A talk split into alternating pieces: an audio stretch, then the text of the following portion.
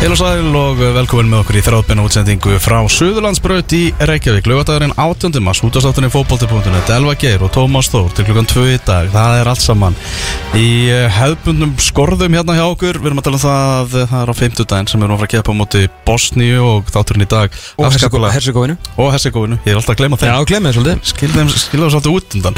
Það er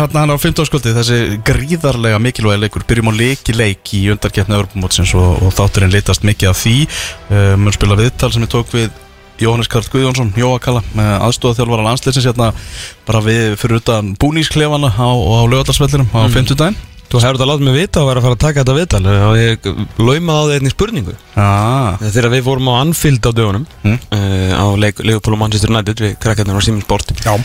að þá vorum við á leiðinni að fara að hérna, taka upp okkar hérna, uh, koma okkur í myndavela stöðu til þess að fara að taka upp pre-match uh, hérna, einslæðið og það. Og þar, við vissum að Jói Kalli voru á leiknum við hefum hitt hann hérna uh, ekki staðar, fyrir utan eða eitthvað.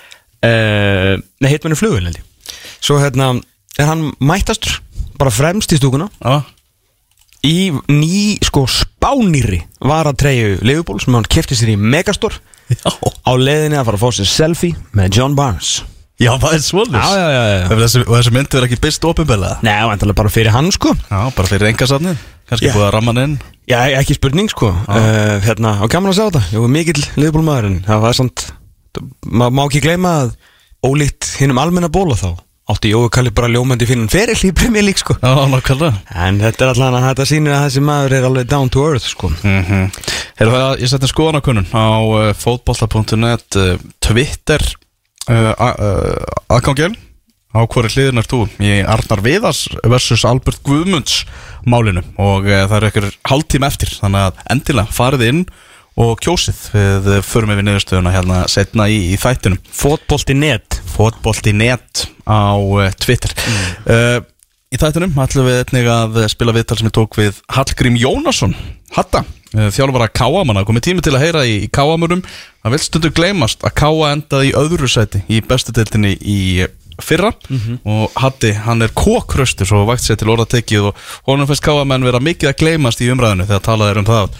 Bara reynlega hverju geta verið að berjast þarna á toppi deildarinnar uh, í sumar? Já, Hallgrimur Jónasson, uh, margt líkur Karli föður sínum uh, menn með munnin fyrir neðan nefið sjálfströst og, og hérna eigaverða og það er greinlega svona aðeins annar tótn í honum heldur en svona oft áður hjá Káa þegar þeir hafa notið góðs af því og haft, svona haft það svolítið huggi líf fyrir norðan að sigla undir radarinn vel framöndi móti sko. Mm -hmm. en hann alltaf bara stefn á titlinn ég er tjöfullir á með með Já, já, um að gera, menna, annars ætti fyrra, því ekki það?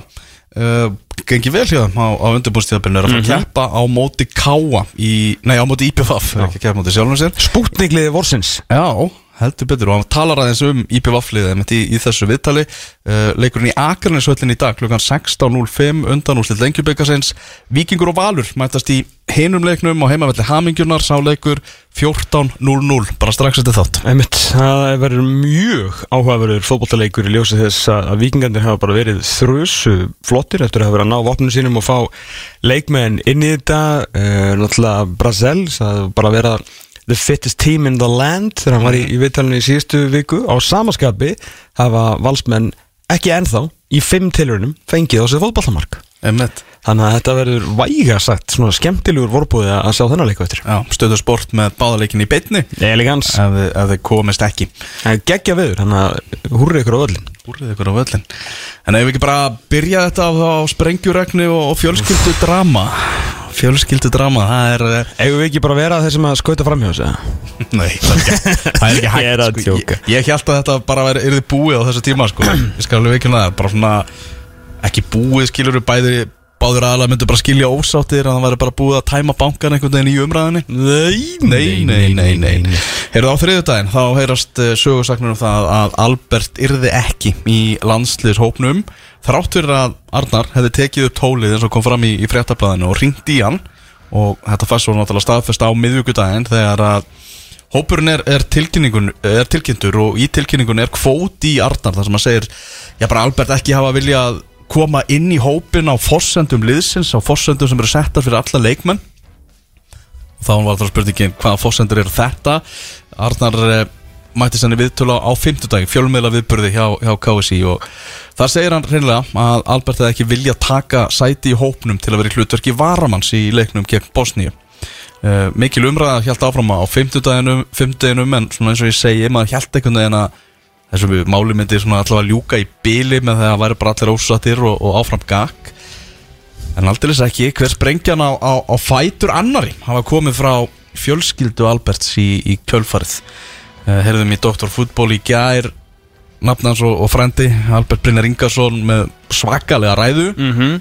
og svo kemur þessi yfirlýsing frá pappa Alberts Sem er sem sagt komið ben fyrir, Já. fyrir þann eina sem ekki veit það er sjálfgeft að, að pappi leikmanns í alhanslinu sé að senda frá sér yfirlýsingu en eins og segir pappin í þessu tilfelli er gummibjörn mm -hmm.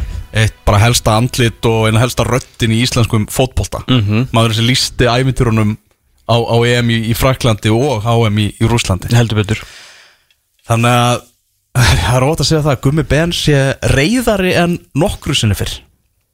Já, ég bara, nú er ég búinn að þekkja Guðmund Bendisson síðan uh, svona 2014 myndi ég ekki segja þegar ég hóf störf hjá 365 og hérna uh, heldur svona eins og sko heldur fólk, getur ímyndað sér og þá uh, kemur hann fyrir fyrir aftanmyndavelna nákvæmlega eins og hann er á myndavelni afskaplega ljúfur uh, hress, fyndin og skemmtilegu maður rosalega uh, einstaklega gaman að vera kringum hann Mm. uh, þessar hlið hef ég aldrei séð en það hérna, hef ég svo sem ekki upplifað það að það hefur verið svona mikið uh, já svona þú veist, hvað var að segja svona verið að skjóta á barnið hans Mhm. þannig að hann eins og hann segir bara að hann er búin að fá algjörlega nóg og kemur með þessa þrjusu dundru sem að bara breytti nei samt það er sem kannski önnur umræða sko hann er önnur breytti narratífin ekki það mikið því að þrátt fyrir að hann var ekki búin að segja neitt og Arnar stýrði sko sögulínni hérna í einn dag eða, eitthvað, eða svo ekki svona cirka sólarring af því að hann alltaf kemur veist, hann er spurður hérna fyrstur og segir að uh, hann hefði ekki viljað hérna, taka sæti í hópnum að því að hann hefði viljað stærra hlutverk Mhm. uh, og segir ekkert meir fattur Amen. Að hérna, þá einhvern veginn held, held ég þegar maður fór svona að lesa hérna raskaða alheimsinn sem að er náttúrulega kommentakerfin og Twitter að uh, svona fólk væri búin að já ok, hann er þá svona drengurinn eitthvað da da da hérna, það var bara flott hjá Arnari að standa í fennar nei, nei, nei, nei. Það var bara 90% stóðu með Alberti Guðmusinni þrátt fyrir að narratífið þá var að hann bara vildi ekki taka þátt með íslenska landslið Mhm. síðan kemur ásælasti maður þjóðarinnar rétt á eftir Guðna Fósenda sem er Gummi Ben. Já, en við bara fyrir fyrst út í það Ok. að, Gummi mætti á fjölmjöla viðburðin á fimmtudeginu Já, greinlega ætla að sjá hvort að það er eitthvað sagt um Albert fyrir framan alla sem væri ósatt. Já, hann var ekki, ekki að störfum satt þarna bara aftalega í salnum fylgdist með, lagði ekkert orði í belg og svo bara þegar það var svona op, op, opna umræðan var, var búinn þá bara kvattan Já, þetta var ekki blaðamanna fundur, þið sátu bara okkur, smá kynningum eða ekki? Og vorum að sjá svona, voru að sína okkur bara hvernig þau eru að starfa bak við tjöldin. Já, þeir eru sérst hætti með fundin allan í bili og það voru bara svona one-on-one viðtöl og en svona, já, þið fengu bara hátíðismat og voru bara svona að sjá aðeins hvað er að gerast á landsliðinu. Já, nákvæmlega, hver- hvernig þau gera þetta og, og, og svona hvað tækni þeir eru að nota hvað kerfi og, og allt það. Eins og allir líklega í þessum bransa fekk ég náttúrulega skilabóðum að þetta væri í gangi og ég náttúrulega bara kraup á nýju bað til himna að hann myndi hlaða í er þetta faglegt? Sem hefði verið að finnast þess að í nokkuð tíma Það vita er alveg hægt að líka þessu.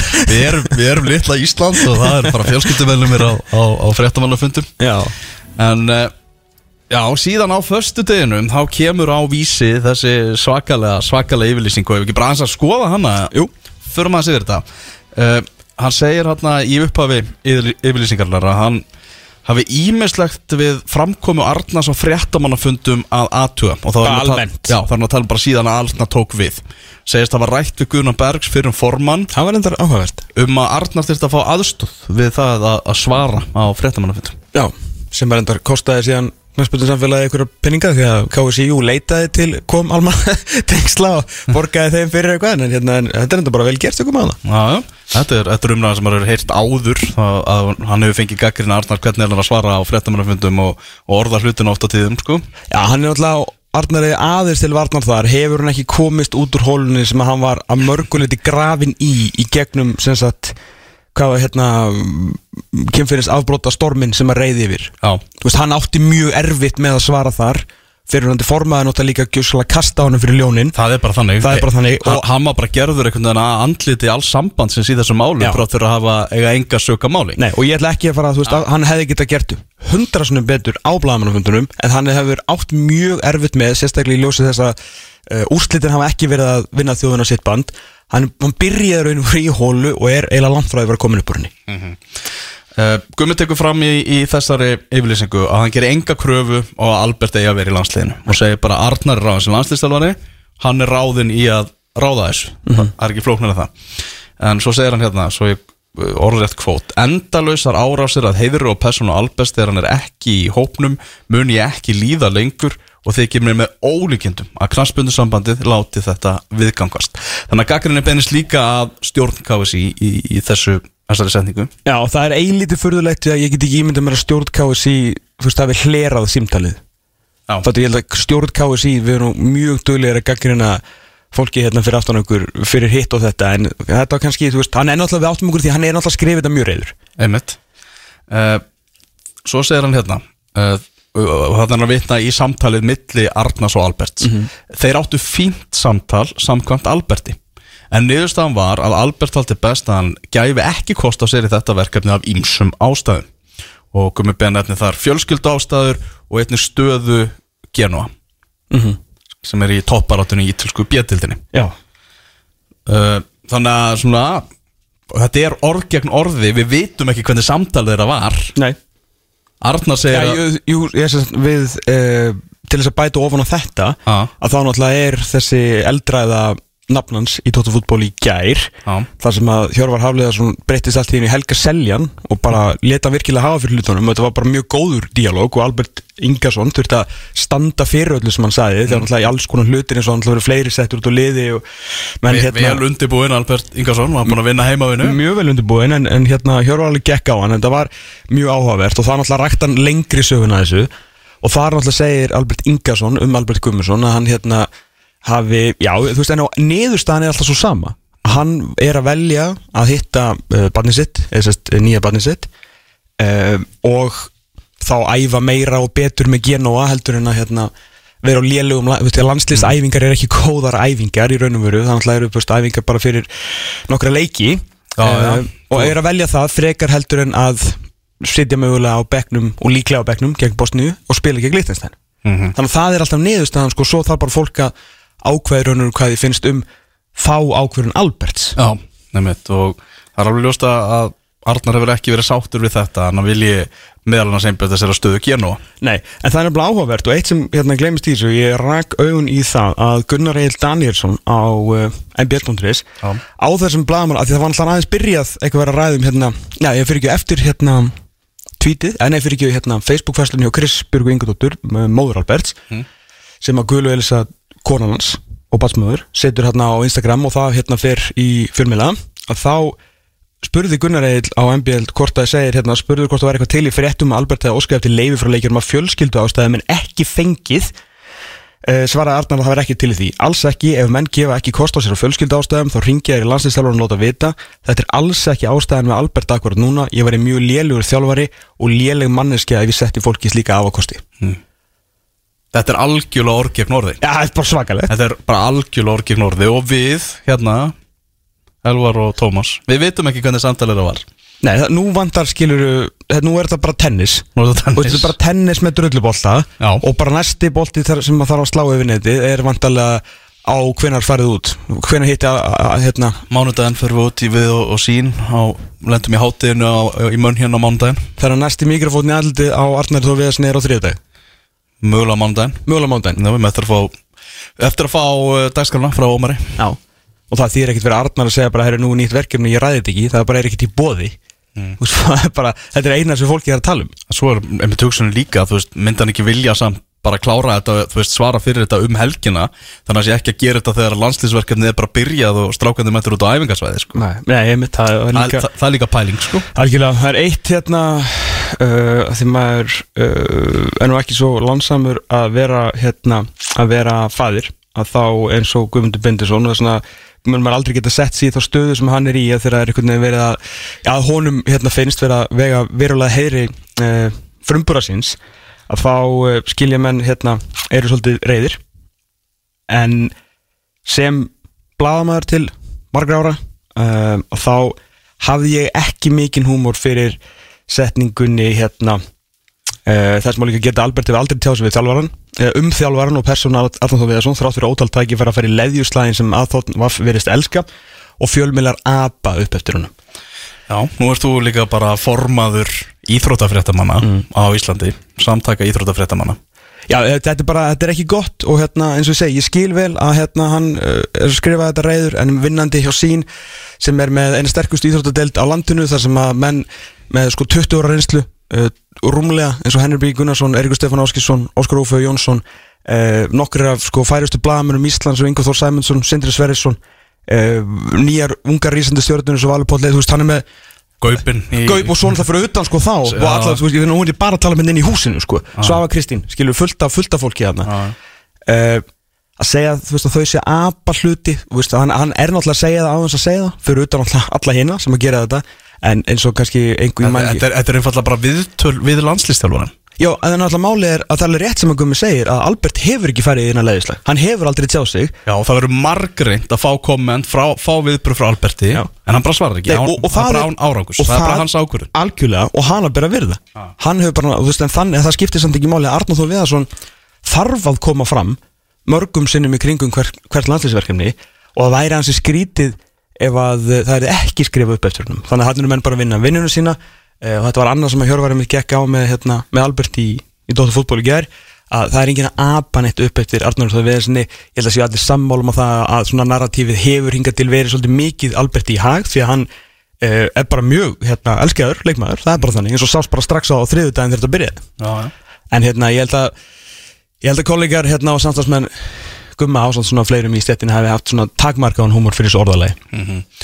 Uh, hérna segir Gummi líka ég kalla þetta leikþátt og ég stend við, við það þar sem ég er þess fullviss að Arnar Þór Viðarsson hafði engan áhuga að velja Albert en taldi sér nöð, nöðbeigðan þar sem Albert hefur gengið vel á Ítalíu af undanförnu.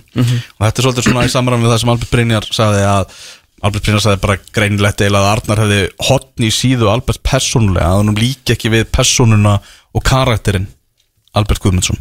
Já, sagði það ekki líka bara bent við hann. Hann liti bara stórt á sig og hérna það var eitt af það sem að nafnan sagði, sagði ekki er að hann bara satt bara við hann að hérna, hann liti og stórt á sig. Annarkvort það eða hann hefði fengið það væp ég vil nú ekki vera hérna, að segja rángaluti með minnir hann hafi sagt það. Mm. og Ben segir líka þarna að persónlega ef hann var í spórum Albers þá var hann búinn að tilkynna og hefði gert það í september að hann myndi aldrei spila fyrir landsliða meðan Arnar Þú Viðarsson væri landsliðstilvari Já, eitt, eitt sem hefðast gott í þessu var að hérna, Arnar bað hann um að ringja og Albert sagði ég þarf ekki að ringja, ég gef alltaf kostum mér. Og svona neytti Arnari mitt í að ringja og hann gati ekki annað en, tekið upp tólið fyrir, hennar, fyrir þessa undakefni en því á þeim líður náttúrulega þannig að hérna, hann hefði, hvað var að segja að Arnar hefði sem í vitað þú veist, eða, okay, þeim líður ekki að ég ætla ekki að hérna, leggja það mórið minn. Heldur þú mögulega að Arnar hefði vitað að Albert myndi ekki koma ef, var, veist, ef þetta verið það sem hann myndi bjóða honum og þess vegna gerði hann þetta gaggjart til þess að Albert myndi ekki mæta? Eða vildi hann fá hann í alveg í hópin mm. Veist, þetta eru spurningar sem við bara höfum ekki hugmynd um. Bara, já, vangaveltur sem við verum ekki með svara við. Nei. Uh, svo endar hann pistilinn Gummi já, og óska íslenska liður velgengni í verkefninu sem framöndan er og þar á leiðandi þjálfarunum en vona líka innilega að hann læri að umgangast fólk sem er mikilvægast í þjálfun. Já Þannig að hérna, já, hann vonum finnst bara, já persónuleg samskipti Arnars að það sé eitthvað sem að sé mjög ábótavant hjá, hjá landslýstilvar Íslands. Já, það er allan að ljóst að þessi tveir menn eru ekki að, ekki að dansa í takt. Það er alveg klárt, eða þessi þrýr í raunum fyrir þessi Arnar gegn hérna, Gumma og, og Sinan sko. Já, svo kemur Reyður Smári og leggur orði í belga og, og Twitter í gær bara til að til þess að gera málið ennþá, þú veist, safaríkara fyrir þá sem er að smetta á þessu sko. Þú veist, bara bold and the beautiful á ekki, á ekki breyki allt þetta dæmi sem er í gangi sko. En eins og þið heyrið að þá, þú veist, erum við ekki að, veist, við erum ekki að taka hennar afstöðu. Að við höfum ekki afstöðu að taka. Þegar maður, maður er ekki að fara að taka afstöðu á þess að vita alvöru föktunar og alveg eins og þú sagðir á þann að þá er þetta bara orð gegn orði þannig að eina sem við getum gert er bara svona það væri bara ófaglegt af okkur að vera að taka bara eitthvað afstöðu sem máli án það þess að vera með upplýsingarnar sem við þurfum á að halda. A- algjörlega, algjörlega. Því að svo náttúrulega hérna, já, já, nákvæmlega. Þetta er bara, þú veist, þetta er alltaf mjög skrítið og ég ég veit ekki hvort ég hlakka til að heyra næsti Arnari eða ekki, af því að þetta náttúrulega er ótrúlega leiðilegt mál Kári Átnason var að tjá sig um þetta bæði á Viaplay og, og Stöð 2 mm. áður en að þessa, þessi yfirlýsing kemur og allt þannig og þá segir hann sko Albert er svo sannarlega og það vitaði allir gríðarlega hæfileikar ykkur leikmaður en hann hefur ekki beint verið neitt driffjöður fyrir íslenska landsliðið og að tapa sér í þessari umræðu finnst mér nokkuð sérstakt. Hann gæti nýst liðinu en ekki byrjunarliðinu segir Kári, Kári líka. Og var að tala um að þú veist að hann var fýtt sem í hlutverkið á móti Bosni að koma inn á ef við þurfum að marka að halda þar á galdur eitthvað, eitthvað fram. Og, og tala um að hann sé meiri félagsliða leikmaður heldur en landsliðsmaður. Já, Pass, hans típa leikmanni passi ekki alveg í íslenska landslið þetta, er, þetta er sem Kári Átnarsson er, að- er að segja. Uh, og hann segir með þetta að tapa sér í þessar umræðu finnst mér nokkuð sérstakt. Og hann segir þetta áður en að var algjörlega búið að tapa sér í þessar umræðu Já þú veist þá að þetta var ekki byrjað þá sko. Það var valla að byrja sko. Það áttu stóru sprengjunar eftir að falla. Þetta er náttúrulega, þú veist, en þetta er náttúrulega kannski alveg rétt að því leiti að Albert náttúrulega hefur ekki verið góður með landsliðinu. Uh, reynda núna í tvö ár hefur landsliði verið afskaplega lélegt í heldina mm. eins og hérna uh, Hörður Snæfabendi á einmitt á fimmtudaginn og þá fekk hann svona cirka átjámánaði glugga Albert Gummarsson þegar landsliðið þurrkaðist nánast út. Þar sem hafa bara ákveðið að hann væri uh, næsta ofurstjarnan, hvort sem að það var yfir höfuð bara veist, A, sangjant, B, bara veist, hvort það hefur eitthvað raunsætt í því því að veist, hann var nú ekki kannski að kveikja í hlutunum á sínum félagslega ferli á þeim tíma, en óumdelilega afskaplega góður fótboltamöður hann alltaf gerði ekkert á þessum átjumánuðum að viti til þess að að verðskulda það að vera síðan hérna einhvern veginn óumdeldur e, byrjunleismæður í þessu liði. En ég held að sé allir sammála um það að þú ætlar að taka saman 23 fótboltamenn til þess að spila tvo leiki þá er Albert Guðmundsson miklu meira nógu góður til þess að vera í þeim hópi. Þarna sástu vídjóið sem hann setti inn, hann highlights-vídjóið sem Albert setti, setti inn þegar umræðan var allir í, gangi, veit, að, veit ekki hvort það tengist í eitthvað.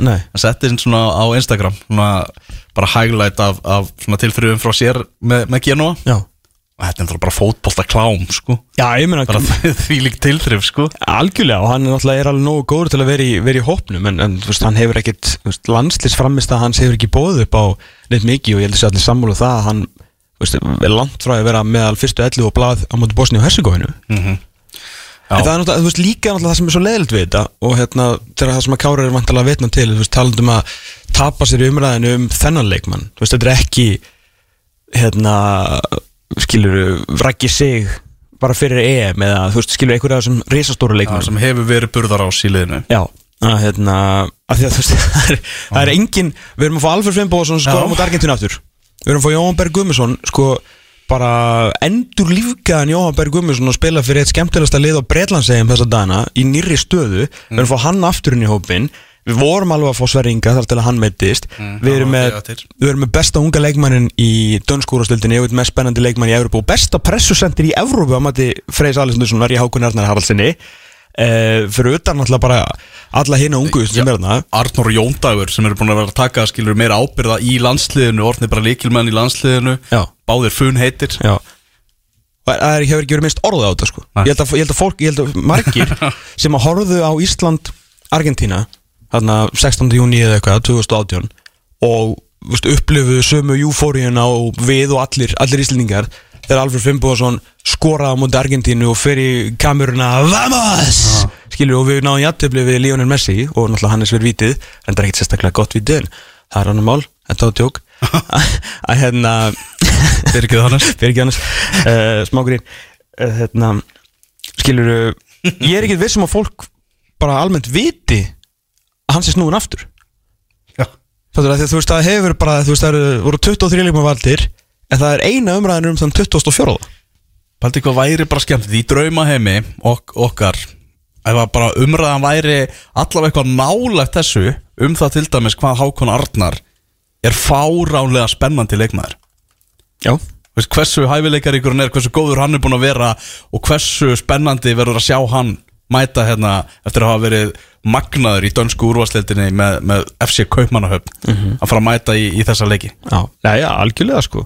En síðan náttúrulega ástæða fyrir þetta verður umræða náttúrulega að því að hérna, fyrst, þetta er búið að vera mál Já, í hérna svolítið tíma og Arnar þá segir þetta og svo magnast þetta allt upp. Þannig ég er ekkert að segja þessi eitthvað ég er ekkert að furða mig á þetta Nei, umræða. nei, nei, alls ekki, en þetta er bara búið að taka náttúrulega svolítið Og gleip allt annað. Já, búið að gleipa allt annað. Það er það sem við erum að tala um sko. Þú veist, ég meina, sko, ríkistjórnin hefði getað tilkynnt svona 7% skattahækun í gæðir Það hefði engin vita að því, sko. Og ég held að við ættum eiginlega öll að fara inn á heimabankun og aðtöða hvort að lánin sem búin að hækka meira, sko Því að bara, það geti alltaf að gerst á happy hour í gær. Sjá þetta bara, veist, Gísli Marteinn með að, að leggja orði í belg Felix Bergsson, þú veist Hverjir ekki sem erum ekki vanið því að vera að taka virkan þátt í fótballtæðumræðinni sko. Ef var einn hlutur sem fekk staðfestan í gæðir Þá var það að Guðmundur Bendinsson er næst vinstalasti maður á Íslandi á eftir Gunnar Fórseta Það er bara Það er þannig. Þetta er rosa En, samt, en annað, Já, áhrifin sem þetta hefur á stöðu Arnarsdóls Viðarssonar. Á endan náttúrulega snýst þetta um fótbollaleiki fótbollamörk Já. og úrslit. Já, Vanda Siðvíkistóttir fór í pontu og sagði bara, jæja vinnur til hamingjum með að komast inn í gegnum stormin nú vil ég fá úrslit.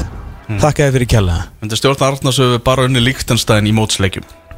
Já, Það er að segja alvöru kjarnisleikjum já, uh, við, við, við, Það er allir að tala um það að nú er miðið sér möguleiki. Kári Átnarsson talaði um léttan riðil, riðil meira að segja. Uh, segja það bara orðið, þetta er bara léttur riðil mm. uh, Ejó Púrisevit sagði bara að veri já, bara ekki ástæða til neins annars heldur en að stefna upp úr þessum riðli og á Evrópamótið það er náttúrulega annars sæti í þessu riðli gefur beina þáttöku á EM. Það er búið að stækka það mót og, og allt það. Uh, við erum með, með hérna Bosníu það sem er líka dramatík í gangi. Það eru einhver ásakanir og þess er ekki valin og ég veit ekki hvað og hvað. Ég bara hef ekki tilfinningalegt sveirum nýja pláss í heilum á mér til að setja mig inn í það. Fyrir utan að mér er alveg drullu saman sko. Slóvakia sem er einnig með okkur í, í riðlinum og við verðum að tala um að þessi þrjúlið sé að fara að berjast um þetta annarsætti ég sendi það nú bara úrslitin hjá Slóvakíu, síðustu úrslit og þau eru bara algjörlega hörmuleg. Þeir voru bara í þjóðateltinni að tapa fyrir Kazakstan og Azerbaijan og, og fleiri liðum. Þetta er lið sem við erum að fara að keppa við um þetta sæti. Bara Portugal hlæra þessum riðli en það er svo mjög, sannlega möguleiki fyrir okkur að koma okkur á Evrópamótið ef allt gengur upp en það er þessi stormur, það er þessi pressa á Þó Viðarsson og þessi umræð sem er komið í gang. Ef við erum ekki að fara að vinna Bosníu, við erum að fara að tapa numlega eða eitthvað þannig, við vitum alveg hvernig umræðan verður á samfélagsmiðlum. Já, já, já Nefnir maðurinn sko Hvort sem að fólki finnst að sangjandið ekki Menna úrslitin hafi ekki gefið neitt hérna, Neina ástæði til þess að hann eigi að vera eitthvað elskaður. Ef við tökum allt, við tökum blamar og fundi og framkom allt Ég veit að skiptir allt máli í nútíma umhverfi En við horfum bara á það sem hefur gerst Á þessum græna fleti Þú veist, 105-60 skilur 65 Að þá ætti hann automatist að vera í mínus á þjóðinni bara fyrir úrslitinu sko. En síðan getum við gefa hann alls konar afsláttu því að hann er að byggja upp nýtt lið og jara jara jara skilur og við vorum ekkert að búast við neinu í þjóðadeldinni þó kannski vilja gera betur í þeim reyli líka sem að rúsarnir döttu út. En ok, hreint blað en þú veist náttúrulega bæði, þú veist, ef hún er ekki í úrslitum þú veist, er manda búin að ákveða hann fær alltaf að klára svo undankefni, vantar ekki ef hún segir bara blákallt að nú vilji hún úrslit mm. uh, fara þau eitthvað að kanna þetta meira? Þú veist, stjórnkáfa sí búin að hérna, uh, að vanda, búin að ringja í, í Albert, reyna að fá hans hlið á sögunni, þú veist, hvernig kemur hún út? Við vantum að tala við Arnar aftur. Þú veist, munið þetta hafa áhrif eða heldur að vanda á þessum að ráða horfum bara í úslitin Ég held að ef við töpum fyrir Bosníu bara það, það er bara mín tilfinning fyrir þessu. Burt séð frá bara öllu öðru er að ef við töpum fyrir Bosníu þá fyrir umræðan alveg á fulla ferð um bara Arnar Átt sko. Í, þetta í KSI eða í, í samfélaginu? Í samfélaginu. Já, hún er, hún er löngu byrjuð, sko, hún Já, byrjuð já, já, en þá, þá er að tala um það fyrir full force sko. Já, ég meina þá, þá þarf bara, þú veist, þá er vanda að fara að svara skilur, er Arnar að fara að vera áfram? Er hann að fara að fá áfram alltaf tröst já, það er það sem ég, ég held sko. Ég veit ekki hvað vand er að pæla en hún gaf ákveðin skilabóð með þessu, þessari yfirlýsingu hérna og, og, og í þessari ræðu bara nú er komin tími til hann á árangri. Mhm. og a, veist, árangur er meira en þrjústig í komandi klukkan Já, en þú veist, þenn again, sko, þá höfum við nú ekkit verið neitt frábærar upp á síkastið og þetta er Bosnia og Herzegovina í Bosníu og Herzegovinu ég, ég skil ekki fyrir mitt litla líf af hverju við erum að gera kröfu og einni neitt fyrir en við sjáum hvað liðið actually getur, sko Já, þú veist, á hann að fara bara súkulega keppna aftur og vinna bara líktanstæðin og svona er þetta bara Nei, nei, nei, þú veist, Nei, við, við viljum sjá eitthvað. Við viljum sjá eitthvað já. En af hverju ætt það er það sem ég skil ekki í þessar umræðu Mm. Af hverju höldum við að við eigum að fara til Bosníu og Herzegovinu með þetta fótbollalið sem er ekki unnið í þrjú árið eitthvað Ég, svo ég vitni bara Ejú Púrisevits, hann vil meina það að íslenska landslið sem komið lengra í sinni þróun heldur en Bosnia sem er nýja þjálfara sem tók við í januar Já, ég vona það Já, Miralem Pjanic, einn allra besti leikmaður Bosníu er ekki með, vantarlega ekki Kola Sinats heldur. Nei, ég var að gleyma að hann verið til. Já, er, er að spila í Fraklandi með Marseille. Mittist um síðustu helgi. Ok. Og hann kemur, kemur til móts við liðin núna á mánudaginn verður skoðar af læknunum en ég held að þessi meira að hugsa um hann sem mögulega leikina móti Slovakíu þegar þeir eru að fara, móti, eru að fara í tvo bara Já, leikin það eru að fyrir tvo stórleiki Ísland og Slovakíu Ok. Þannig ég held að þessi meira, meira að hugsa um það. Uh, Svo náttúrulega, já, kemur þessi skellur í gær sem er bara risastór skellur og bara áfall sem að einhvern veginn hvarfi í þessu gummabeðans eðsmára Það er þess að segja, skoðið lánin ykkar Aðtöðu hvort að bankarnir hafa verið að greiða sér arðu eitthvað. Það var eitthvað sem gerist, það var röglega eldgós eitthvað stöður. Það var eitthvað gerist í gerð sem við mistum af, það er alveg klárt. Sverri Ringin er bara meittur Anskotin er það. Og það er eins og segir, risastórt áfall Þetta var maðurinn sem að sá fyrir sér að væri að fara að kljást við besta leikmann Bosníu, Edin Dzeko.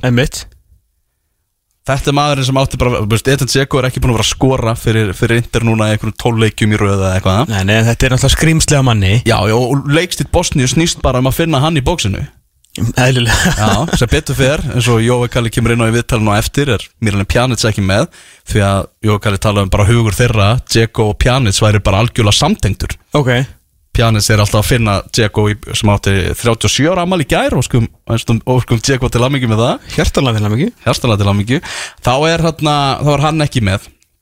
En það er bara spurning, hvað er að fara að gerast veist, eh, ef við horfum á svona síðustu leiki þá er alveg líklegt að Daniel Leo sem er að spila í, í Pólandi kom inn í hafsendin með Herði Björgvinni tveir örfættir. Svona með að við þau skoðum bara hvernig Arnáð og Viðarsson hefur verið að stilla þessu upp Eh, ég væri til í þess að Guðlu Viktor kom inn í hafsendin. Já, ef, við- ef við miðum við það að hann sé í þessu líklu byrjunliða sem Aron Einar Gunnarsson er í banni uh, svona fyrst til að byrja með það Sverri Ingi var inn í þessu það var að vera búast við honum sem djúpum á miðju. Hérna, rifið aðeins upp fyrir mig. Af hverju er Arun ennir banni? uh, rauðspelta mot Albaníu í byrjunleiks í þjóðadeildinni. Já, fjandinn. Uh, Ok. Þannig að eh, já, og það, sko, það, var slæmt að vera án Arons Einars og það er búið að vera umræða um það í, svona útileika móti Bosníu í, í, í Senica Já. En er ekki, hérna, tekur hann ekki bara Guðlu Viktor aftur uh, á bakk, sem sagt í miðurinn og úst, verður ekki bara Stefán teitur hann Já, það er spurningin, ef Guðlu Viktor kemur inn í hafsendi, hver fyrir inn, í miðju, inn á miðjuna, það er alveg möguleika þar. Aron Þrándar Já, algjörlega, minna Aron Þrandar náttúrulega er að spila þessa stöðu hjá OB ég reyndar, eh, veit ekki hvað hann er að spila mikið þessa dagana hann er búin að vera einhverjum skrittnum En hann var fyrirliðin okkar þegar við unnum Eistrasaltsbyggarinn Never forget. Já, hann var með bandið Eistrasalts fyrirliðin Aron Þrándar getur komið inn á miðjuna Þórir Jóhann sem hann náttúrulega er í gríðarlega miklu metum hjá Arnari Viðarsinni mm -hmm. uh, En nú er að tala Arnur, Ingvi Við höfum að spila fjóra einn, fjóra einn eða ekki? Já, meira minna, þannig að þú veist, þetta er alveg þetta er rosaleg staða svo að spila, en svo náttúrulega gætu við líka bara bakkað í Sexur staðan er rosaleg sko. gætu við það líka bara bakkað í 4-2-3-1 og þó ég kannski er upp með að sjá það uh, að fara að gera það fyrir eitt leik þegar hann er búin að vera að drilla hérna 4-1, 4-1 í, í tvö ár með engum árangri en vonandi sem ánáttúrulega koma núna. Já. Uh, Já, ég, Ég, ég fór bara pyrrar að sofa út af þessu að vera án Sverri Singar sko. Maður var, maður var veist, Mér leist svo vel á þetta Sverri Ingi og Hörðu Björgvin Hafsendaparið Ég hugsaði bara að þeir, veist Þeir geta alveg bara haldið Eden Dzeko niðri En svo er náttúrulega önnur gallastaða sko, í sérstaklega fyrir Básnía mm. það er bakurinn Mm. því að uh, Valgi Lundal 2001 einna þessast ólst upp með Jóhannuleginum uh, hann er í banni í það ekki, Jú. á Ísuleik Já. Tekum þessi bann úr 21 árs landsliðinu. Raukt á móti tjekkum ok, það er bara þannig. Það er engin hérna hann er, semst, er ekki. Og ég á mjög erfitt með að sjá það að Alfons Samsteð starti þennan útileik. Mm. með svona hvernig honum hefur gengið með landsliðinu sérstaklega í svona í starri leikjum. Uh, ánum það klálega að vera framtíða maður og frábær leikmaður en kannski fær hann tröstiðin ef að Guðlu Viktor verið þangað þá vantur okkur bæði miðvörð og og þess að hann getur ekki spila alla þrjástöðunar Sko ef og hefði Já. Þú veist ef að Sverri Ingi og Aron Einar væru til taks Þú veist þá væru örugglega Guðlöfu Viktor hægri bakverður Og Aron Einar í djúpur á miðjum og Sverri Ingi og Hörðbjörgun Hafsendar Mögulega. Heldur að Aron sé með hlaupin í þessa stöðu en þú veit það Sko, eitt áhugaverð sem kom fram á þessum hérna, þessu spjalli. Ok. Aron Einar náttúrulega mjög klókur leikmaður eins og menn vita Arna við að tala um það alltaf þegar nálgast landslíka klukka Mm. þá eigur Aron meðvita tempóið á æfingum hjá sér í Katar bara síðustu vikurnar fyrir landslýsdæmið því að veit að það, Ok. er, það er svo miklu meira tempó heldur en að vera að spila í, í deildin í Katar sko. Ok, ok, ok þannig að býr svo undir það með því að auka sjálfur tempóin þannig að það er hérna stað áhefur punktur sko. Já Þannig að þú vilt meina að við værum mögulega með sterkara líði Við værum bæðið með Aron og hérna Sveringa Já, þetta er bara mitt maður sem Já, þú- sérfræ- þú- sérfræðingur. Nákvæmlega, þú hefur fulla rétt á þessu skoðun. Já, þetta er Þetta verður rosalegt maður. Þetta verður, verður svakalugur En að, bökkur samt aðeins aftur Ok. okay. Þú er svo rosalega sterkar skoðun þessu, ég er gaman að því. Að hérna Hvað eru 1-0 tap ef við hefum skotið stöng? Reikin Mér langar, bara, mér langar að finna hjá þér hvar línan liggur. Ég veit að þú ert ekki að fara að ráða þér reikan Nei, nei. En bara svona nú er ég bara fyrir fólki í landinu. Ég Já. glemdi þér þetta, ég fatt þér þetta bara í gær. Ríkir, þú veist þarna Umræðan fer upp í það. Þú veist, þá er skilda mín sem fjölmiðlamaður að Já, ég- ég að- segi að fara það. fjall um það Ah, skilur Ekki spurning, en hver er, þú veist, hvað er þitt bar fyrir, þú veist, hvað eru vond úsliðarna? 2-0 tap, au- augljóslega bara oh my god, við erum ekki komni neitt. 1-0 tap og skoti stöng. En þú veist, nú, í þa þarna snýst þetta ekki um framistuðuna lengur. Nú erum við bara komin að það að það snýst um það að ná í úslit Já, ég ætla að Þú ge- veist, það er það. Ég, ég var alveg til í að sjá liðið bara vera lélegt í Bosníu Já, En ná í jafntefli, ná í sigur, ósangjarnan sigur eða eitthvað. Nú snýst þetta bara um að ná í stíl Já ég ætla, ég ætla að gefa það, þetta var heldur góða punktu þér. Mátt teka þetta nú var er bara, ég er sammála vöndi því. Nú er uppbyggingunni lokið Nú, nú, nú þarf, þarf árangur sko.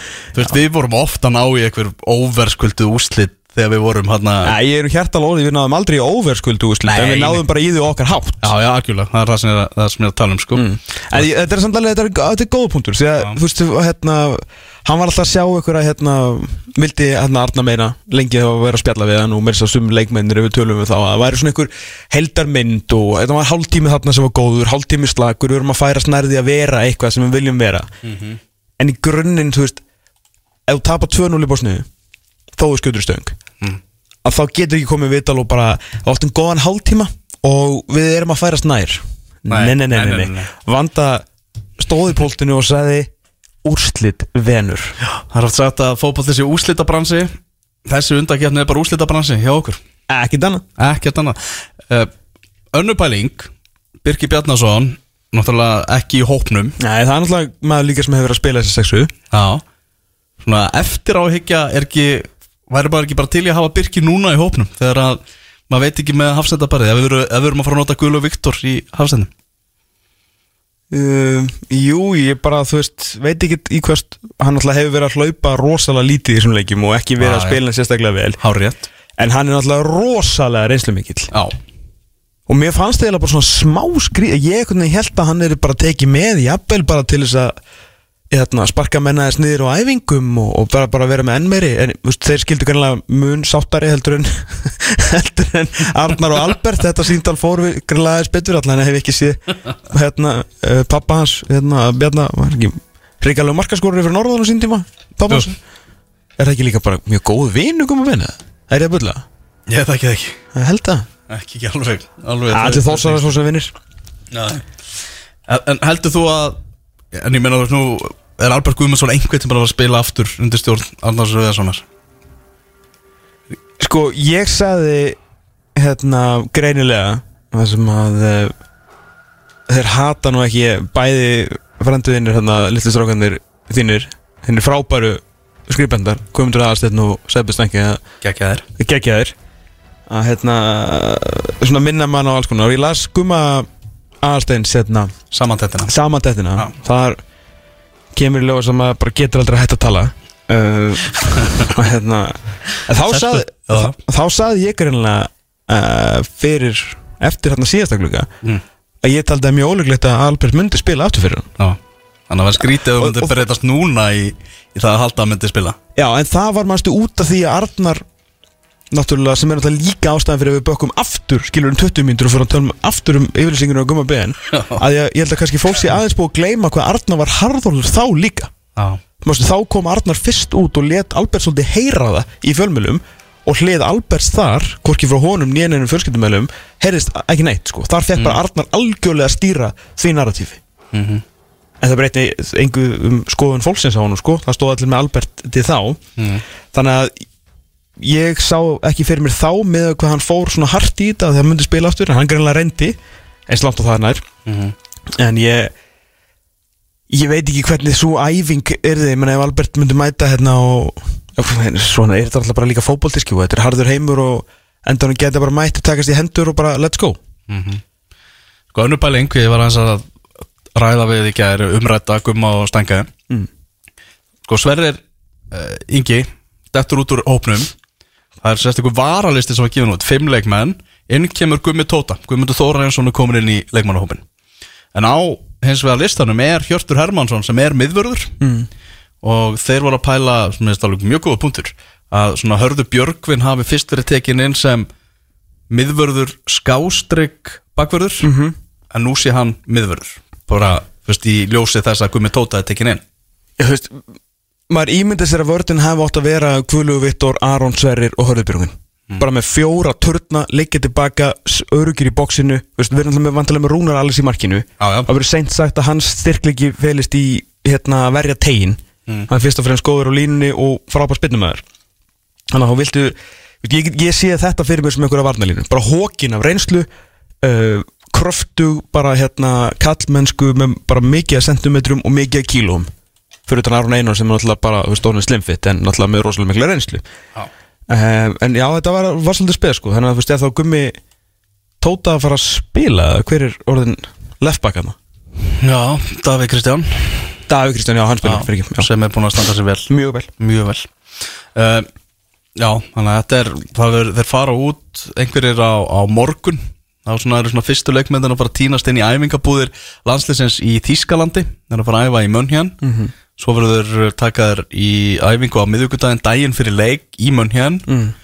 uh, fljúa síðan yfir til Bosni þeir æfa ekki á keppnisvellinum sem er farin að líta reyndar mun betur út heldur en að gerði, Ok. verður örugglega ekki góður. Það var að byrja seint að vinna í honum eins og fjallað hefur um. En ég sá myndir á honum og landslýttelvarinn hjá Bosni var að skoða völlin og var svona bara nokkuð sáttur við hvernig það væri og það er ennþá nokkur dag til stefnu fara að vora í Evrópu og alltaf og hlutinni gerast fljót en við ætlum ekki að æfa á vellinum hins vegar en Jói Kallis segir í viðtalum þetta eftir talar um það að þeir ætla samt að taka göngutúr og, og allt það. Þú veist bara svona skoða aðstæður þegar þeir mæta til Senica Veistu ekki, þú veist, hérna, því að nú þessi bók, hefur þessi borg uh, ríka hefð af, hérna, uh, það er rosa stálverksmiðja hérna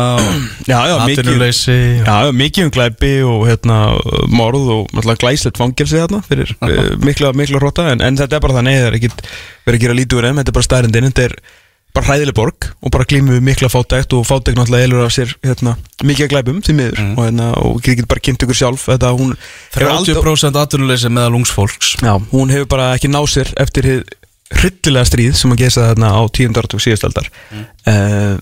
En er þetta fótbollaborg? já, þannig er langmesta stemmingi sem myndast þarna, þessuna spilaðir þarna. Það er svoleiðis þarna er bara hörðustu mennindir eins og Eyjó kom, kom inn á í podcastinu sem við tókum á, upp í dögunum, á dögunum Já, þeir eru fljótir að snúast á mótiliðinu ef, ef þeir eru ekki að spila vel og ef illa gengur sko. þannig að þetta er svona þetta er, þetta er, er hættilegu leikur Viltu að meina að það væri ekki jafnvel gott að skora fyrsta markið? Pirraði stuðningsmennina og það mögulega. Ok, ok. Já. Þannig að þetta verður áhugavert. Ég spurði um þetta Sigga Dúllu hann hvort að þeir væri nú að þokkalegu hóteli og hann sagði svo vera. Þannig að þeir náðu að finna eitthvað ágættis hótel allavega, fyrir liðið í, í þessari borg í Bosni, Senica og síðan ferðast þeir uh, yfir til Liechtenstein það sem er náttúrulega setnileikum þetta eru tveir leikir í þessu klukka en skiljanlega minna fjallað um Liechtenstein leikin hann er setna og eigum bara að vinna hann. Já, já, já, já Er hann á vellunum fræðar sem við 3-0 eða? Já, Yes. Já, Góða minninga maður Góðar minningar segir Já. Þarna Það var Arnar þú við að spilaði nú þann leik Það ekki? Ég var ekki síðast til landsleikunars Jú, síðast í landsleikur Ég held að hann að kvart eftir þennan 3-0 tap. Já. Erum við að fara að heyra þessi Jóakalla? hví ekki? Já, ég talaði við Jóa Kalla eftir fjölmeila viðburðin á fimmtudaginn, stóðum hann bara við uh, búningsklefana á lögadalsvelli skulum heyra hvað uh, Jói Kalla hafa að segja. Já, Jói, það er komið að þessu. Það er komið að nýri undakjarni og finnur ekki bara fyrir því að ég bara spenna sig að magnast í, í samfélaginu? Jú, þetta er búið að vera hérna bara nokkuð skemmtilega viku núna framönda, maður er náttúrulega búin að vera að fylgjast með leikmennunum að að spila úti og, og hérna fyllt á jákvæðan fréttum menn að standa sig vel og uh, góð holning á, á hópnum okkar og, og hérna maður finnur líka að, að fólk er alveg farið að, að hérna mjög snemma einhvern veginn farin að spá í þessum leik sem er bara jákvætt og umfyllunum hefur verið mjög góð og, og hérna það er komin svolítið fyrringur í mann að, að, hérna, að fara út og glíma við Bosníu, þetta verður alls ekki auðvelt náttúrulega, þetta er þetta er hrikalegur völlur hérna að fara og hérna í Senica og, og hérna þetta verður alveg krefendi aðstæðar við um meiri segja að fengi fregnir að því að, að grasi sjálft af öllum sé mjög slæmi ástandi og það hef ekki verið hugsa vel um hann í vetur og þannig að veist, við verum að vera klári í alvöru baróttu og spila náttúrulega fókbalta inn á þeim svæðin sem, sem við ráðum við. En hérna, jú það er bara komið að búið að vera náttúrulega langur aðdraðandi að þessu þannig lagað en, en nú er þetta, erum við komin inn í, inn í leiki sem að uh, telja virkilega og það er það sem að gera þetta svo skemmtlegt Þú segir að getur svona, já aðstæður verið kannski svolítið svona óknveikjandi í, í fyrsta leika á móti Bosníu sem náttúrulega líka hugsa eins og við að sem möguleika því að taka þetta annarsætti og, og fara beint á, á EM. Þetta verður, já bara bar, bar, bardagi hérna í, í Bosníu. Já, algjörlega og maður verður að fylgja svolítið með sko, umföllunni þeirra með líka já þjálfvaranum Hatsi Begovic að að hann er líka eiginlega að leggja þetta svolítið þannig upp að þetta er eiginlega svona allt eða ekkert þannig að það verður það verður örgulega greiðli stemmingan og þó að þið séu í einhvers konar áhórenda banni þá verður þetta örgulega svolítið uh, erfiðar aðstæðar að koma inn í þú veist á þessum, þessum velli sem þeir eru alveg frægir fyrir og við höfum verið að horfa á leiki hjá þeim og svona þegar þeir eru að loka leikjum að þá ofta læðist auka boltinn á völlin sem að kannski varamennir eru að hendi inn á bara til þess að tefja eða að loka leikjum mm -hmm. þeir eru mjög brútal þegar það kemur að því að, að, að vinna og eru mjög erfiðir á þessum heimavelli og loka leikjum veist, fara, hafa verið að fara í fimmanna vörn og eitthvað og eru mjög erfiðir hægt alveg að spila, negla boltan bara fram með þinn á fórustu þannig að við viljum náttúrulega líka svara þessu, við verum að vera klára í þetta alveg frá upphæði, bara leiðu við mætum inn í borgina og inn á völlina að hérna, við erum ekkert að fara að láta neitt svona tröflokkur og, og við erum alveg með leikmannahóp og reynslu og, og líka uh, bara grimd og ákjæð til að svara öllu þessu sem að, að bóstnýjumennir munir henda framann í okkur bæði líkamlega og andlega, við erum að vera klára í það alls saman. Mm -hmm. Undirbúningunum fer fram í, í Þýskalandi áður en þið farið til, til Bosníus segðu okkur svona aðeins frá pælingunum baka það. Já það er í raun og veru bara ég held að sé ansi mörg landslið farin að gera þetta að, að undirbúningunum fer fram í raun og veru í öðru landi. Mm -hmm. eh, ég held að það er líka byrjað í COVID að, að það var sett krafa á að liðin þurfi að fara í leiguflugi. Sem sagt við erum ekki að fara inn í eitthvað áallunaflug þannig að við erum að fara í leiguflugi alltaf til hérna til Bosníu til þess að hérna eða ekki eitthvað að hættu á eitthvað senkunum eða niðurfelling á flugið eitthvað. Þannig við stýrum í alveg raun og veru hvena við fljú, fljúum yfir sem er náttúrulega mjög þægilegt. Þannig við viljum eiginlega að okkar undirbúningu fari fram núna í Þýskalandi. Fyrir Albaníu leikin gerum við það í Östuríki og við viljum ekki vera að fara of snemma til Bosni eða of snemma til Senica þannig að veist, er, við viljum bara stýra þessu nákvæmlega eins og við viljum hafa þetta og þetta hendar okkur og leikmennunum bara vel að fara í raun og öru svolítið sent í landið sem við erum að fara að spila við sko. mm -hmm. Þú segir þeir líka hvað sleppið æfinguna á kjarnisvellinu daginn fyrir leik æfið í Þýskalandi og farið síðan yfir daginn fyrir leik eh, til, til hver, hver er pælingin á baka það?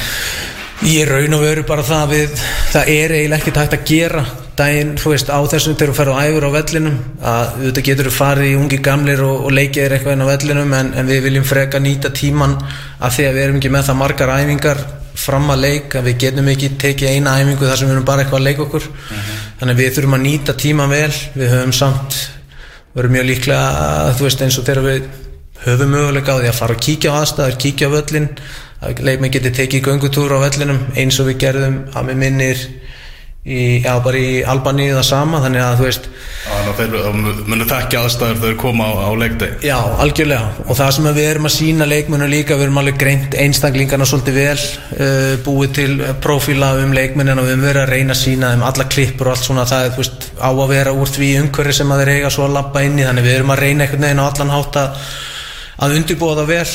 En, en þetta hefur bara verið þannig að þessar æfingar hafa oft verið bara til þess að kynnast aðstæðum á vellinum. Þessi æfing eh, mattsnei mínus eitt. Og, og hérna við þurfum bara að nýta tíma betur og geta trist í að þessi ekki verið að fylgjast með þessi við erum að gera sko.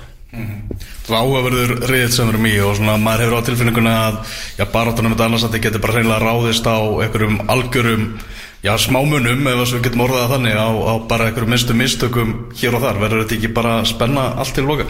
Jú, ég er bara nokkuð viss um það. Ég, hérna, ég held að kannski flestir í þessum riðli sem, a, sem að skoða hann og eru þáttangjöndur í honum sjá náttúrulega Portugal er náttúrulega langt sterkasta liði það er ekki þar með satt að sé ekki að það ná í úslita mótið en, en svona öllu eðlilegu þá eru þeir að fara að vinna hennar riðil og hitt verður alveg jæmt það er alveg, eru alveg Bosnia er með gott lið og Slovakia er með gott lið og, og ég á ekki vona einhverjum svaka marka leikjum þegar þessi lið er eigast, eigast e, e, er að kljást ymbiris að það verður auðvitað mjög mjótt á mununum eins og þú segir. En það sem við höfum náttúrulega núna inn í leikmannahóknum okkar er reynsla. Og við erum með leikmenn sem að, sem að þekkja þetta alveg, þekkja þennan leik alveg og, og hérna þannig að þeir munu náttúrulega hjálpa ungu strákanum að átta sig á mikilvægi þess að, að hérna að stíga upp eða stíga tilbaka hæja leikjónum setja meira tempo í leikin veist, inn á vellinum. Og það eru bara svona pínu lítil atriði. Einhvers konar mistök, einhvers konar gæði. Uh, og náttúrulega svo samheldni náttúrulega nummer 1, 2 og 3 inn á vellinum sérstaklega þegar við erum að fara út og spila við Bosni, út og spila við Slovaki þannig að jú, þetta verður þetta mun ráðast á, á hérna, svona pínu litlu matriðum og, og hérna, það er það sem við erum líka náttúrulega að leggja upp með inn í, inn í eins og bara inn í Bosni að, að hérna, það er mikið meiri press á þeim að skóra fyrsta marki heldur en okkur og við þurfum að passa og verja marki okkar vel. Því er ekki að við ætlum endilega að leggjast í ykkur skotgræður en við ætlum að reyna að stoppa þá í eins mögulegt og hægt er að, að, hérna, að þeir séu að koma bóltanum í þau svæði sem að þeir vilja, vilja koma honum í og auðvitað þurfum að hafa góða gætur á, á tjekk og hann á ekki að fá neinn neinn tækifæri á mót okkur. Við þurfum að takmarka það eins og við getum mm -hmm. og sjá til þess að þessi litlu hlutir sem að, sem að gefa stíðin í þessum riðli eins og við erum að velta fyrir okkur þau falli með okkur. Legst í postni eins og segir, gengur ótrúlega mikið út á það að finna reyfin hann að tjekka í, í bóksina Já, algjörlega. Og áður en að náttúrulega þegar Pjanic var hann áður en að hann mittist að það er náttúrulega ótrúlega tenging þar á milli. Við vorum að horfa mikið á, á leikjum hjá þeim. Að tengingin er eiginlega bara eins og þau séu bara í stöðu símasamband á milli, það var alveg ótrúlegt að fylgjast með þannig að það er ágætt að, að vera laus við hann en Krúnits er náttúrulega líka hörku leikmaður sem spila með AC Milan og, og þeir eru líka, það er ágættið svona link upp þeirra á milli, Krúnits og, og Tjeko en bara svona í grunninn að þá var þetta svona uppbyggingin hjá þeim snýrist rosalega mikið að koma bóltanum á pjanit sem að var að leita að Tjeko og svo voru menn að spila og byggja upp í kringum hann þar og eftir. Að við þurfum að vera klókir og, og hérna stoppa það eins mikið og við getum. Mm -hmm.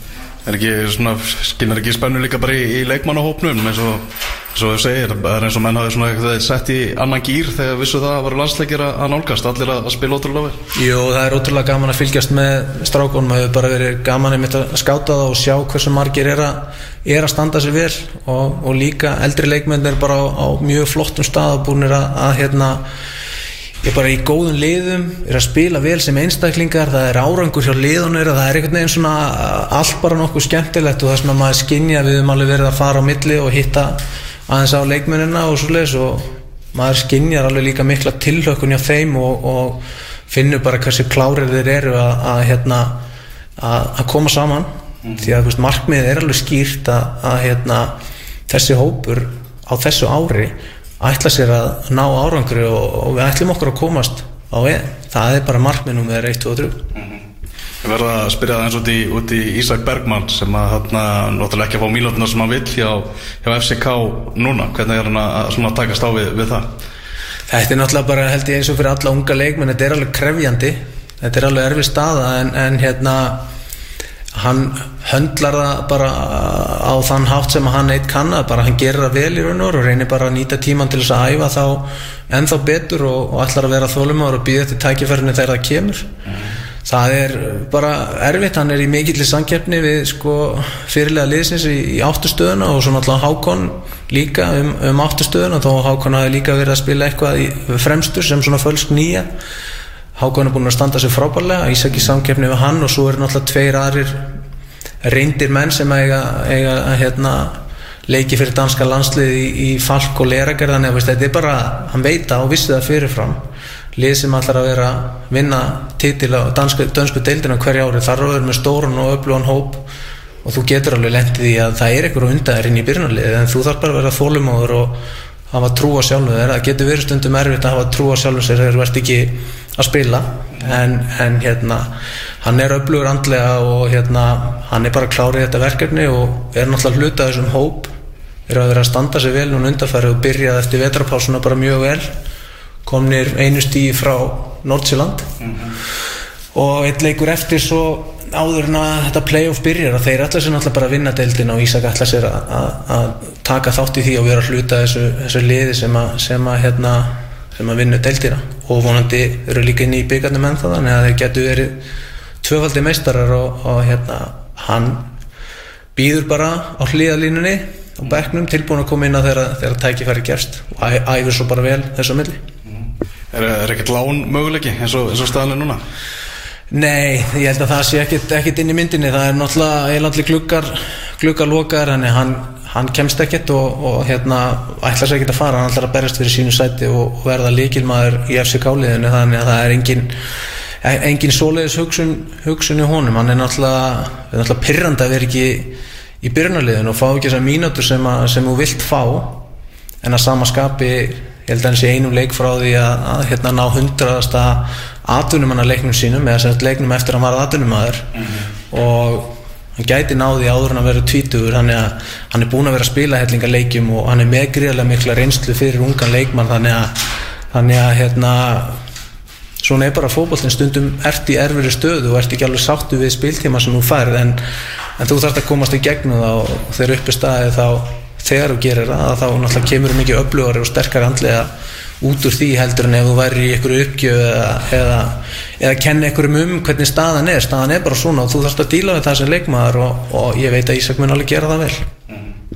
uh, Yfir í annað, uh, Aron Einar fyrirlið, ekki með náttúrulega í, á móti Bosníu og við erum náttúrulega allir að auðvitað viljum að hafa Aron Einar sérstaklega í leiksam þessum uh, verður hann með í, í fyrir með ykkur til Bosníu, verður með ykkur þar? Já, já, hann kemur með okkur bara leiðu við komum saman, verðum með okkur í, í, hérna, í Þýskalandi fyrst og svo kemur hann með okkur og verðum með okkur í öllu verkefninu náttúrulega gríðarlega mikilvægt við fundum bara leiðu hann koma aftur inn hvað hann er mikilvægt fyrir hópin og hvað bara allir bera mikla virðingu fyrir honum en það er bara, það er náttúrulega ekki ástöðu lausu því að hann leiðir og hefur alltaf gert, ég er búin að þekkja Aran frá því að hann var ungur og, og hérna, hann hefur alltaf leitt með góðu fordami og, og, og frábær karakter og frábær leiðtöðin í þetta lið. Þannig að við lögðum mikið upp úr því að hann kæmi með okkur inn í þetta bara um leið og hópunum kemur saman því að, því að hérna, hann getur hjálpað alveg ótrúlega mikið þó hann sé í banni í fyrsta leiknum þá er hann alveg, alveg getur hann miðlað mikið og hjálpað okkur undirbúa hína leikmennina og sem ég veit alveg hann mun gera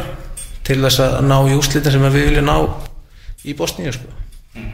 Er þetta ekki bara nánast eða hinn fullkonar blanda eins og þið viljið hafa hana þegar þið horfið yfir leikmann ópinn, þetta er svona að fara að taka þessu eðlilegri mynd heldur en þetta var þegar, þegar Arna tók fyrstu þessu Jú, jú, algjörlega og við, veist, maður getur alveg skoða svona meðalaldurinn, ég held við séum eitthvað stóra bilinu 25 til 26 ár meðalaldurinn á hópnum. Ah. þannig að það er mjög góð blanda. Og líka bara kannski inn í, í byrnaliðinu að vera með blöndu af, af í mismunandi stöðum. E, reyndari leikmenn í bland við unga og spræka og, og hérna það er það sem við vorum náttúrulega búin að horfi og það er það sem að gera þetta svona spennandi veist, Alfred er á fínu stað, Jói Berg er á fínu stað við erum með Sverri og Gulla og Hötta og, og náttúrulega Aron og þannig að það er þetta er nokkuð nokku, hérna þetta er góð blanda og við vissum alveg að ef við myndum komast í gegnum þetta, það var náttúrulega leikmenn, ungi leikmenn sem að fengi full, fullt að spiltíma á síðast ári sem að þeir eru náttúrulega reynslunum ríkari en núna eru við konni með ennþá fleiri reyndari menn. Blandan góð og, og hérna það fyllir mann alltaf bara bjart síni að vera með svona marga leikmenn sem hafa farið á stórmót og farið í gegnum svona undakeppnir og vita hvað það þýðir að fara að spila úti í Bosni og hvað þarf að gera til þess að, að hérna, ná úslitum og það náttúrulega gefur manni bara uh, góða von um að, að hérna, þegar uppi staðið að það verður við bara klárir í þetta í eina leik. Náttúrulega tveir leikir en ég tala alltaf um Bosníuleikin því hann er undan, maður vill helst ekki vera að tala um hitt. Að gefur okkur góða vonum að, að þetta verði flott framistæði hjá okkur alveg í heldina og við náum minnstakost í stík sem myndið að búa til hansi skemmtilega sumarleiki hérna á, á Íslandi. Já, algjörlega. Og það er því alveg frábært einmitt að, að við myndum koma vel út af þessum glugga sem við ætlum okkur að gera og, og hérna spennandi leikir þarna heima moti Slóki og, og Portugal bara vonandi í, í sól og blíði fyrsti leikur á 17. júni og mikil stemming og, og hérna fullur lögatarsvöllur og þetta verði skemmtilegt knaspinnáður fyrir íslenska landsliði Stefnar sett á EM, það er ekkert verið að, að fjalla það? Nei, nei, við ætlum okkur uh, minnstakosti að ná öðru sætinu. Nei, ég meina það væri, annað væri bara gali Við erum í þessu til að ná árangri og við vitum að þessi leikmenn sem eru í hópnum og þjálfaratími okkur þystir í það að ná árangri hverjum einasta leik sem við tökum þátt í og vonandi verður og við ætlum okkur að, uppskeran verði það að við komumst á einn Fótbolti.net á X977 Við erum búin að ræða um íslenska landslið Herðum hérna í Jóakala Jóhannes í Karli Guðjónssoni En það rétt aðan og vittar sem var tekið á 50 daginn Þá var náttúrulega sverrir í hópnum og, og allir hressir. Það er að byrja að taka það fram. Svo bara stættir um bref Landslið er ekki að fara að vera í Senica borginni. Þeir eru að fara að gista í Sarajevo Höfuborg. Bosníu. Þeir er alltaf að keira bara yfir á, á leik, leikvangin Haldur sé eitthvað 45 minútna akstur eða eitthvað. Veistu þú að ég hef komið til Sarajevo? Nei, já, ég komið til það. Nei, Hvað var- það bara alltaf þær? Herru, ég var bara strák lingur Fór með fóröldur mínum og hérna uh, einhverjum, einhverjum stærri hópi sem maður endur ekkert eftir Ég heldur bara að verið fimm ára eða eitthvað. Eða sex. Bara þetta var bara réttur stríð. Já, það er svolítið Já, já, já. Falleg borg er svona með minnir. Já, hún er vist alveg afskaplega falleg. Það, það, það hefur maður heyrt. Herru, við fattaði þú, við glemdum í raun og í fyrra. Í fyrra voru við að ferma. Fyrra voru við að ferma. Já, voru við 13 ára sko. Já, Þegar við vorum 14 ára. Bráðu, ég fór bara að pæla þess að þegar við erum að auðlýsa fermingar út um allt? Bráðu, sko, getur við sagt eða Hvað er allir hátalinn sem þessu tölvu? Stýttist í það. Ég skal segja eitthvað það sko. Það er fel er fel. Herðu, Já. uh, niðurstað í könnunni. Herru, já, ég rakka augun í þetta á hér hún er, hún er komin, hent henni inn hérna rétt fyrir þátt áðan 461 sem að tóku þátt. Ok. Þa- Þakkum fyrir góða móttökur. Uh, á, á hvorri hliðinni ert þú í Arnar Viðas versus Albert Guðmunds málinu. Uh -huh. og uh, Alberts hliðin 56,8% sem eru þar. Uh, Arnars hliðin 12,8% og svo er það kvorugri það er 30,4% þannig að það er ansi stór hluti sem er svona á kvorugri hliðinni. Ok. Og getur spilast að því eins og við sögðum aðan að það eru maður er ekki með allar upplýsingar í þessu. Maður veit ekki hvernig þetta síntal var Nei, nei, nei, og hann alltaf kljást við eins og við höfum farið yfir. Ansið, ansið vinsæla menn, sko. Ná. Hérna, eitt samt verandi þetta, að því að við vorum nú svolítið jákvæðir hérna út í KSI á hann eða vorum að verja á, þá varum við um að gera koma með hinn að hliðina og vera svolítið leiðileg við á. Já, skjótaða niður aftur. Já. Nei, þetta er nú samt bara svona gaggrinni til góð sko. Já, já. Eh, Uppbyggilega gagrinni já auglýsingar eða svona uh, KSI að vekja aðtikla á þessum mótsmiðum. Já Þetta hefur verið ekki gott Ok Því að þeir náttúrulega setta inn einhverja frétt á heimasíðunum sína um þetta og svo var vantalega ég sá frétt á .net á 5 en vantalega var eitthvað rætt um þetta á þessum fundi Mhm. um, en annars hefur þetta svona farið svolítið fyrir ofangar og neðan Mhm. fyrfirandi mót með þessast mótsmið að hafa ha, eigendur Mhm. fá ekki tölvupóst um hvort þeir vilji kaupa sína miða aftur Ok. Þú veist, þú er ekki nefnum forgangi fyrir þetta og það er ekki einhvern veginn verið að íta á þá að kaupa aftur. Ah. svona bara eins og segi veist, það var alveg hægt örugglega að koma út fleiri meðum eða veist, fólk sem að á sín sæti. Mm Þau eru að taka upp svona svolítið nýtt kerfi Svolítið útlenskt kerfi. Já, Og þau eru að fara að verðleggja leikina sjálfa. Það er mismöndi verða á leikina Eftir hvað, hver móterinn er. Ok. Og uh, eru með ver, svona breyta verðflokka í stúkunum líka Mhm. og þannig að þú getur sko fengið mótsmiða, þar að segja á bara fimm heimaleiki í, í þessum undarriðli Mhm. og, og þá kostar sko minna heldur en á bestu deltarleik á hvern og einn leik ef þú, ef þú kaupir það Já, það er sérst, í sérstöku sveið, bara Já. láta vita því En þá er líka mjög sniðut að þetta er mjög sniðut. Fyrst mér, Mhm. verulega velkjert kjósi En aftur kannski að láta fólki að þú ert með eitthvað basa af fólki sem að kefti sem með það? Já, Bara svona aðeins að íti og sko. ert með tölvupóstin hjá þeim öllum vantala Emitt, það er Já. alltaf Tölvubáslistar eru svolítið mikilvægir í þessu lífi sko. Það er svolítið Herru, það var dreigið í áttalaguslit meistaratildar Evrópu í, í gær. Herðu, þetta stefnir í eitthvað hérna Úff, þetta var eins vondur dráttur á að verður. Fyrir ansku liðin? Nei, bara fyrst fyrir Champions League. Já, þú skilur við lestu uppdráttina eins já uh, Real Madrid Chelsea. Ríkjandi meistarar á móti Chelsea. Emitt Inter Benfica. Manchester City Bayern München. Takk fyrir Já, túkall. trilltulegur. Og Real Chelsea líka. Og AC Milan Napoli. Það er Ítalíuslagur. Og undanúslitin eru hvernig? Uh, Það var sigurverðan úr Ítalíuslagnum sem mætir Inter eða Benfica. Já, Líklega Inter. Já það er bara að þú Chelsea, Real Madrid, FC Bayern München og. Manchester City aðeins eitt af þessum liðum á séns að komast í fínalin Já, sigurverðan úr Real Chelsea mætir sigurverðan úr City Bayern. Þarna verða menn alltaf bara að draga fyrir luktum dyrum og koma út með eitthvað betra sko. Þetta eru uh, frábært ráttur fyrir Napoli. Sem eru bara mjög líklega að fara í úslita leikin með, með hvernig þeir eru að spila og þá farið allt í hennu bara 90 mínútur anything can happen hva- svo, sama hvort þú fáir hérna Manchester City eða Bayern eða Real. Napoli getur unnið öll þessi lið á hérna, sinn degi. Mhm. þannig að þetta er uh, úrslita leikurinn eins geggið envíu þetta Real Chelsea og, hérna, og sérstaklega Bayern. Minn guðminn, herri guð sko. Ha, bara Guardiola mættastur hérna, til liðsin sem hann gæti ekki unnið Champions League með og svo mætti Jöpparinn árið eftir og tók þrennuna. Mhm. með liðið sem hann þráir ekkert meira heldur en að vinna Champions League sko. Þannig að ótrúlega sáverið og flott emi en að bara eitt lið af þessum fjórum eigi raun og veru núna möguleika á, á að fara í úrslitaleikin er ekki gott. Nei. Uh, og gerir úrstæðleikin svolítið með svona eitthvað það verður erfitt að búa til einhverja trillta spennu fyrir Real Madrid Napoli Mm. Manchester City Napoli bara ha Mm. skrítið sko Eins skemmtilegt á þetta Napoli lið er já þeir eru að skilu 100% verðingu nú er ég bara þú veist það er ekki allir ég, sem að ég, eru ég hef nú ekki séð marga leiki með Napoli á þessu tímabili Nei. En ég hef dottið inn á einn og einn Já. Og þetta er bara ævintýralega skemmtilegt lið æðislegt fótballtalið Já. Og sem menn er að skora mörk í öllum regnbúans litum já. Hvar að skilja hérna bara sturlaður á kantinum sko. Hvað er að donna? Hvar að donna Þetta er alveg fárlega skemmtilegt lið og og Sko, þetta, ég- þetta, ég- þetta getur bara unni þessa, þessa meistaröldu algjörlega. Og ánægða með Graham Potter. Á hérna var okkur púp hérna var eitthvað svona eitthvað, rástefna hérna og hann sagði að þeir ætluðu bara að vinna fucking meistaradildina e, þú veist, erum við að tala um smá svona Roberto Di Matteo vibes? Er Potter hann að fara að enda í tíunda að vinna Champions League? Þetta var hérna stuðnings með Chelsea voru ekkert eðlilega ánægða með þetta. Því að Graham Potter er búin að fá smá svona gaggrinni fyrir að vera frekar döll einhvern veginn á hliðalínni já, eins og hann sé bara ekkert að að pyrra sig á hlutunum oft á tíðum. Nei.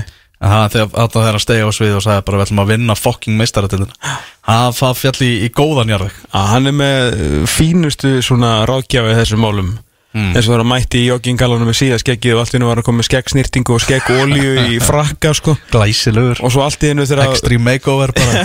Svo þegar umræðan var orðið hvað hávarist um hvað hann væri hérna svona láta lítið fyrir þessi finna á hliðlinni þá allt í hennu breytist hann bara í næsta leik og, bara, og trompaður. Já, nákvæmlega. Þú veist, við erum ekki fættir í gær sko, við vitum að þetta er náttúrulega leikþáttur en hann þarf að byrja einhver staðar. Já, og leikþátturinn er að virka hjá hann Já, algjörlega.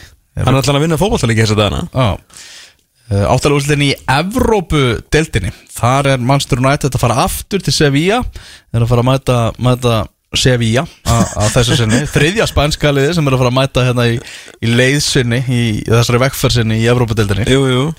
Uh, Juventus er að fara að mæta Sporting og en því miður drauma úslitaleikurinn sem maður hafði hugsað veist, Juventus Manchester United þarna gerast það aftur. Juventus Sporting á móti Manchester United eða Sevilla í undanúslitum Já, en það er möguleik eins og það er á því að, að Róma er náttúrulega í hinni liðinu li- eh, þannig að það geti verið Mourinho á móti Manchester United mögulega mm -hmm. í úrslitaleg Það er mjög safaríkt. Já og, og já, Feyenoord og, og Roma mætast og svo Leverkusen og Union frá Belgíu sem er spútniklið náttúrulega í þessari, þessari kefni Það er stórmerkið hlið Já, hérna, bara gera frábæra hlut í Belgíu og komin í núna hvað, áttalega úslit í Europadildinni ég, bara, ég vissi ekki að lifa til fyrir árið síðan sko. það nákvæmlega. Tveimur árum með eitthvað. Já. En Arsenal fjall náttúrulega leik eh, í vítaspindu kefna móti Sporting Lissabon á, á 50 daginn Ég hef aldrei séð stunningsmanna kjarna og ég skil það sem að gerist eftir þetta jafn ánaðan eftir að falla úr Evrópu eins og Arsenal stunningsmenn Já, það ekki eina sekundu voru menn eitthvað fjandskotin, við erum ekki að fara að vinna Európa-dildin í ár, og leiðilegt að tapa hérna fyrir liði sem við teljum okkur á betri, það var allir bara hjú, að, þá getum við hægt að pæla í þessu. Nú er bara leiðin að þeim fyrsta síðan 2004 bara fulla ferð, þakka þið fyrir kjærlega sko. líka bara þú veist, tveir að meiðast í þessum leik og, og allt það.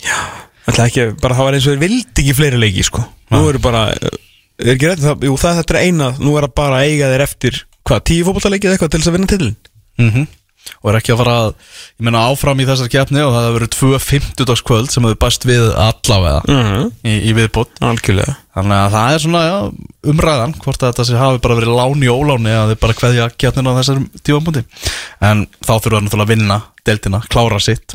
Já, saman tím, hérna, tíma er náttúrulega sitt í mögulega að fara að fara áfram uh, í byggarnum í dag. Uh, þeir vilja að fara áfram í Champions League líka. Þú veist, ef að Arsenal verður með þryggja fjögra stega fórustu farandinn í mæ og City er einhvern veginn á eftir að spila úsliðarleik kannski enska byggarnu við Manchester United eða hverju sem að það verða og síðan mögulega undanúslitið eða úslitið í Champions League að þá er náttúrulega advantage Arsenal, segir sér sjálf þannig að ef þeir ætlaðu einhvern tímann að detta úr Európu þegar nú margsinnis hérna, lendi í svona alvöru sársöka í Európu en þetta er svona sá minnsti í sögunni, myndi ég halda. Náttúrulega skrítin helgi í anska að sambland af úrvalstildinni og, og, og byggarnum Já, þessi tími árs, svona akkurat meður mars er svona, þá kemur ein helgi sem er svona svolítið skrítin. Já, engin hátegisleikur sem er í gangi núna, það eru fjóri leikir sem að verða klukkan þrjú þar á meðal Southampton Tottenham og Wolves Leeds. Já, Chelsea Everton, hann er í dag 17.30 Mhm. svo 17.45 er City Burnley í byggarnum, Jói Berg á, og, og náttúrulega bara kompani á móti Manchester City. Það er stóri fyrir það er eitt leikur í Premier League á morgun Arsenal Mhm. umrættir að mæta Crystal Palace. Stóra fréttir náttúrulega Palace í gær. Patrik Viera var á leiðinni bara á æfingasvæði að, að stýra æfingu. Fekk símtal klukkan sjö um morgunin Rekin það var Já, Var að reikin í síma já. Vá! Rekin í síma klukkan sjö í gerðmorgun Já uh, Svo eru FA Cup leikir á morgun meðal annars uh, Manchester United á, móti Fulham. Já, leikinni sem vantar náttúrulega þessa helgina eru þess að Brighton Manchester United, Liverpool Fulham, Manchester City West Ham og Newcastle Brighton uh, út af byggarnum mm. Það er svolítið svona Víkingur Valur að byrja klukkan 2 Byrjunarlegin eru komin. Ok. Það kíkja á þetta stænge á vellinum verður með textalýsingu þess að leikunum verður í bytni á, á, á fyrir sport. Og já, þetta er Ingvar Jóns, Lógi Tómasson uh, Ekroð Maklagan, Erlingur Ragnarsson Helgi Guðjónsson, Pablo Púniet, Arnór Borg Karl Friðlegu Gunnarsson, Nikolai Hansen og Mattias Viljámsson Já, Já, Arnór Borg. Arnur Borg, hann skoraði ekki sísta leikilli, skoraði hann mútið afturreldingu vonandi, nær hann að haldast heill Það var ekki amalegt að fá hann inn í þetta maður. Það er einn hefðalíkar ykkur fótbollamæður Herru, hinn með en er nú bara sé frá allan síðasta leik vals er Aron Jóhansson kominn eh, inn í þetta. Annars er Hlinu Freyra byrja engang til. Birki Már, Elva Freyr, Hólmar Örn og Sigurur Egil Lárusson vantilega í vörninni uh, inn á miðinni en byrjuði þá mið, já, þá Hlinur vantilega á miðinni í dag. Já, með, með Orra og Kristni Freyr Sigurssoni, Adam Ægir, Aron Jóhansson og uh, Lukas Lógi Heimisson. Það er vantilega þrýr fremstu hjá Völsurunum í dag. Já, þetta er Já, bara þannig að komast í úrslitaleikin og IPVF og, og Káa sem að mætast síðan uh, setna í dag, sá leikur klukkan 16.05 Já, Hefum við ekki bara vind okkur í viðtali sem við tók við með þjálfara Káa, Hallgrím Jónasson. Jú, Kókröstan Hallgrím Jónasson sem að vill eh, hérna vill að sem meira umtal og sterkar umtal um knaspunni fyrir aðgurur sem ég kannan með þetta Næst við að vinda okkur til Akureyrar. Það á línunni. Er eh, þjálfari Káamanna Hallgrimur Jónasson. Við segjum bara halló Akureyri. Já, blæsaður, halló Reykjavík. Halló, halló, hvernig er, hvernig er stemmingin fyrir Norðan? Hún er bara góð, Ekki? hún er bara mjög góð. Það er hérna en, eh, 25 gráða frost og sól úti Þannig að það er allir sáttir. Allt, eins, og þetta á að vera. Já, En við taldum að væri nú rétti tímabútur til að fara að heyra þessi ykkur hérna á, á, á Akureyri. Bara, bara aðeins að, að taka púlsin á því, bara hvernig hefur svona já, beturinn verið hjá, hjá káaliðinu og bara hjá þér sem náttúrulega nýjum aðal þjálfara liðsins?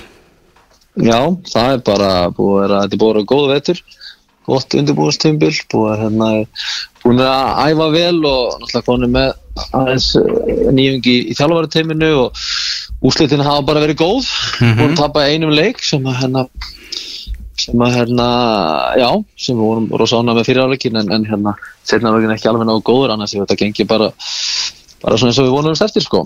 mm Hvernig er hérna hvernig er staðan á, á, á hópnum? Eru einhverjir sem eru já, meittir og í kaplum við tíma bara að vera klárir fyrir mót? Já, við erum með hérna, svona einhverju búin að meitir ekkit, ekkit, ekkit uh, rosa margir eða alvarlegt en, en hérna Elvar fram hérna okkar er ekki búin að æfa frá það að takla hérna í, í kjarnafæði mótinu á móti Dalvik og ég veit ekki hvort þessu leina sjö vikur eitthvað fleist en hann er svona er að komast á stað þannig að hann er svona aðeins á, á eftir og hérna aðrir eru bara nokkuð nokku klárir eins eins og staðan er fyrir utan bara einhverju sem skilur vika, vika hér og þar nokkuð smáttir í Mm Er uh, hópur Káa, er hann klár? Er þetta hópurinn sem ást að fara með inn í, í bestildina?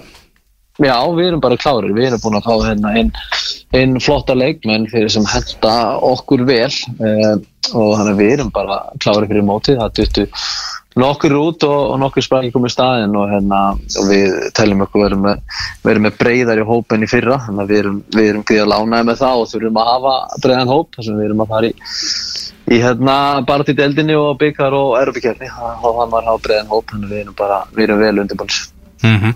Náttúrulega svona, já, einn á stjórnum síðasta tímabil, náttúrulega nökkvi farin og svona stóra spurningin náttúrulega bara svona, já, það fólki sem er að ræðum káalið er bara hvernig ætla þú að fylla í skar nökkva allra þessar marka og, og hættu sem að hann skapaði fram á þið Já, ég meina þeir sem voru úrstakefnina sáu það bara, hann var ekki með eitthvað Einmitt. við hérna, það gekk vel þar og heldur skoraði öllu leikum, við erum búin að skora ekki með einasta leik sem nokkuð fór. Uh, við höfum uh, bara tapat tveim leikjum frá það nokkuð fór fyrir úrstakefnina þannig að ég er svo sem ekki að að deyja og hérna, stressi við því. Hins vegar gerðan mikið fyrir okkur og hérna, skoraði fullt af mörgum bæði úr, úr vítum og opnu leik. Þannig að það er klart mála, við þurfum aðra til að taka við þessu og mér sem þjálfara væri það fínt að við bara dreifast aðeins verið menn. Ég, ég býst ekki við því endilega að við komum með 17 marka mann hérna í e, þegar e, búin að tværa fyrir á deildinni. En, hérna, en, en mér er svo alveg saman það svo lengi sem við bara skorum og, hérna, og vinnur leiki og, og það hefur gengið fínt. E, það er missir af honum en, en við hefum fengið hérna góða menn inn og, og sendingin og, og gæðin óttum eru bara þannig að ég hef ekki stóra aðgjörð því. Mm -hmm. Að meðal manna sem, að, sem eru komnir er eh, Pætur Petersen sem er eh, færiskur landslýsmaður hvernig hefur hann verið að, að detta inn í þetta? Hann bara búin að rosalega flottur. Hann er hérna, þurfti alltaf aðeins að aðlast uh, okkar stíl, en strax svo hann kom, hann hættilegur og skoraði fyrstu fjórum byrjastleikinu sem er eitthvað slis og bara mjög flottur, hann er svona, hvað ég segja ákvæðu grimmur, hleypu mikið og er skorari.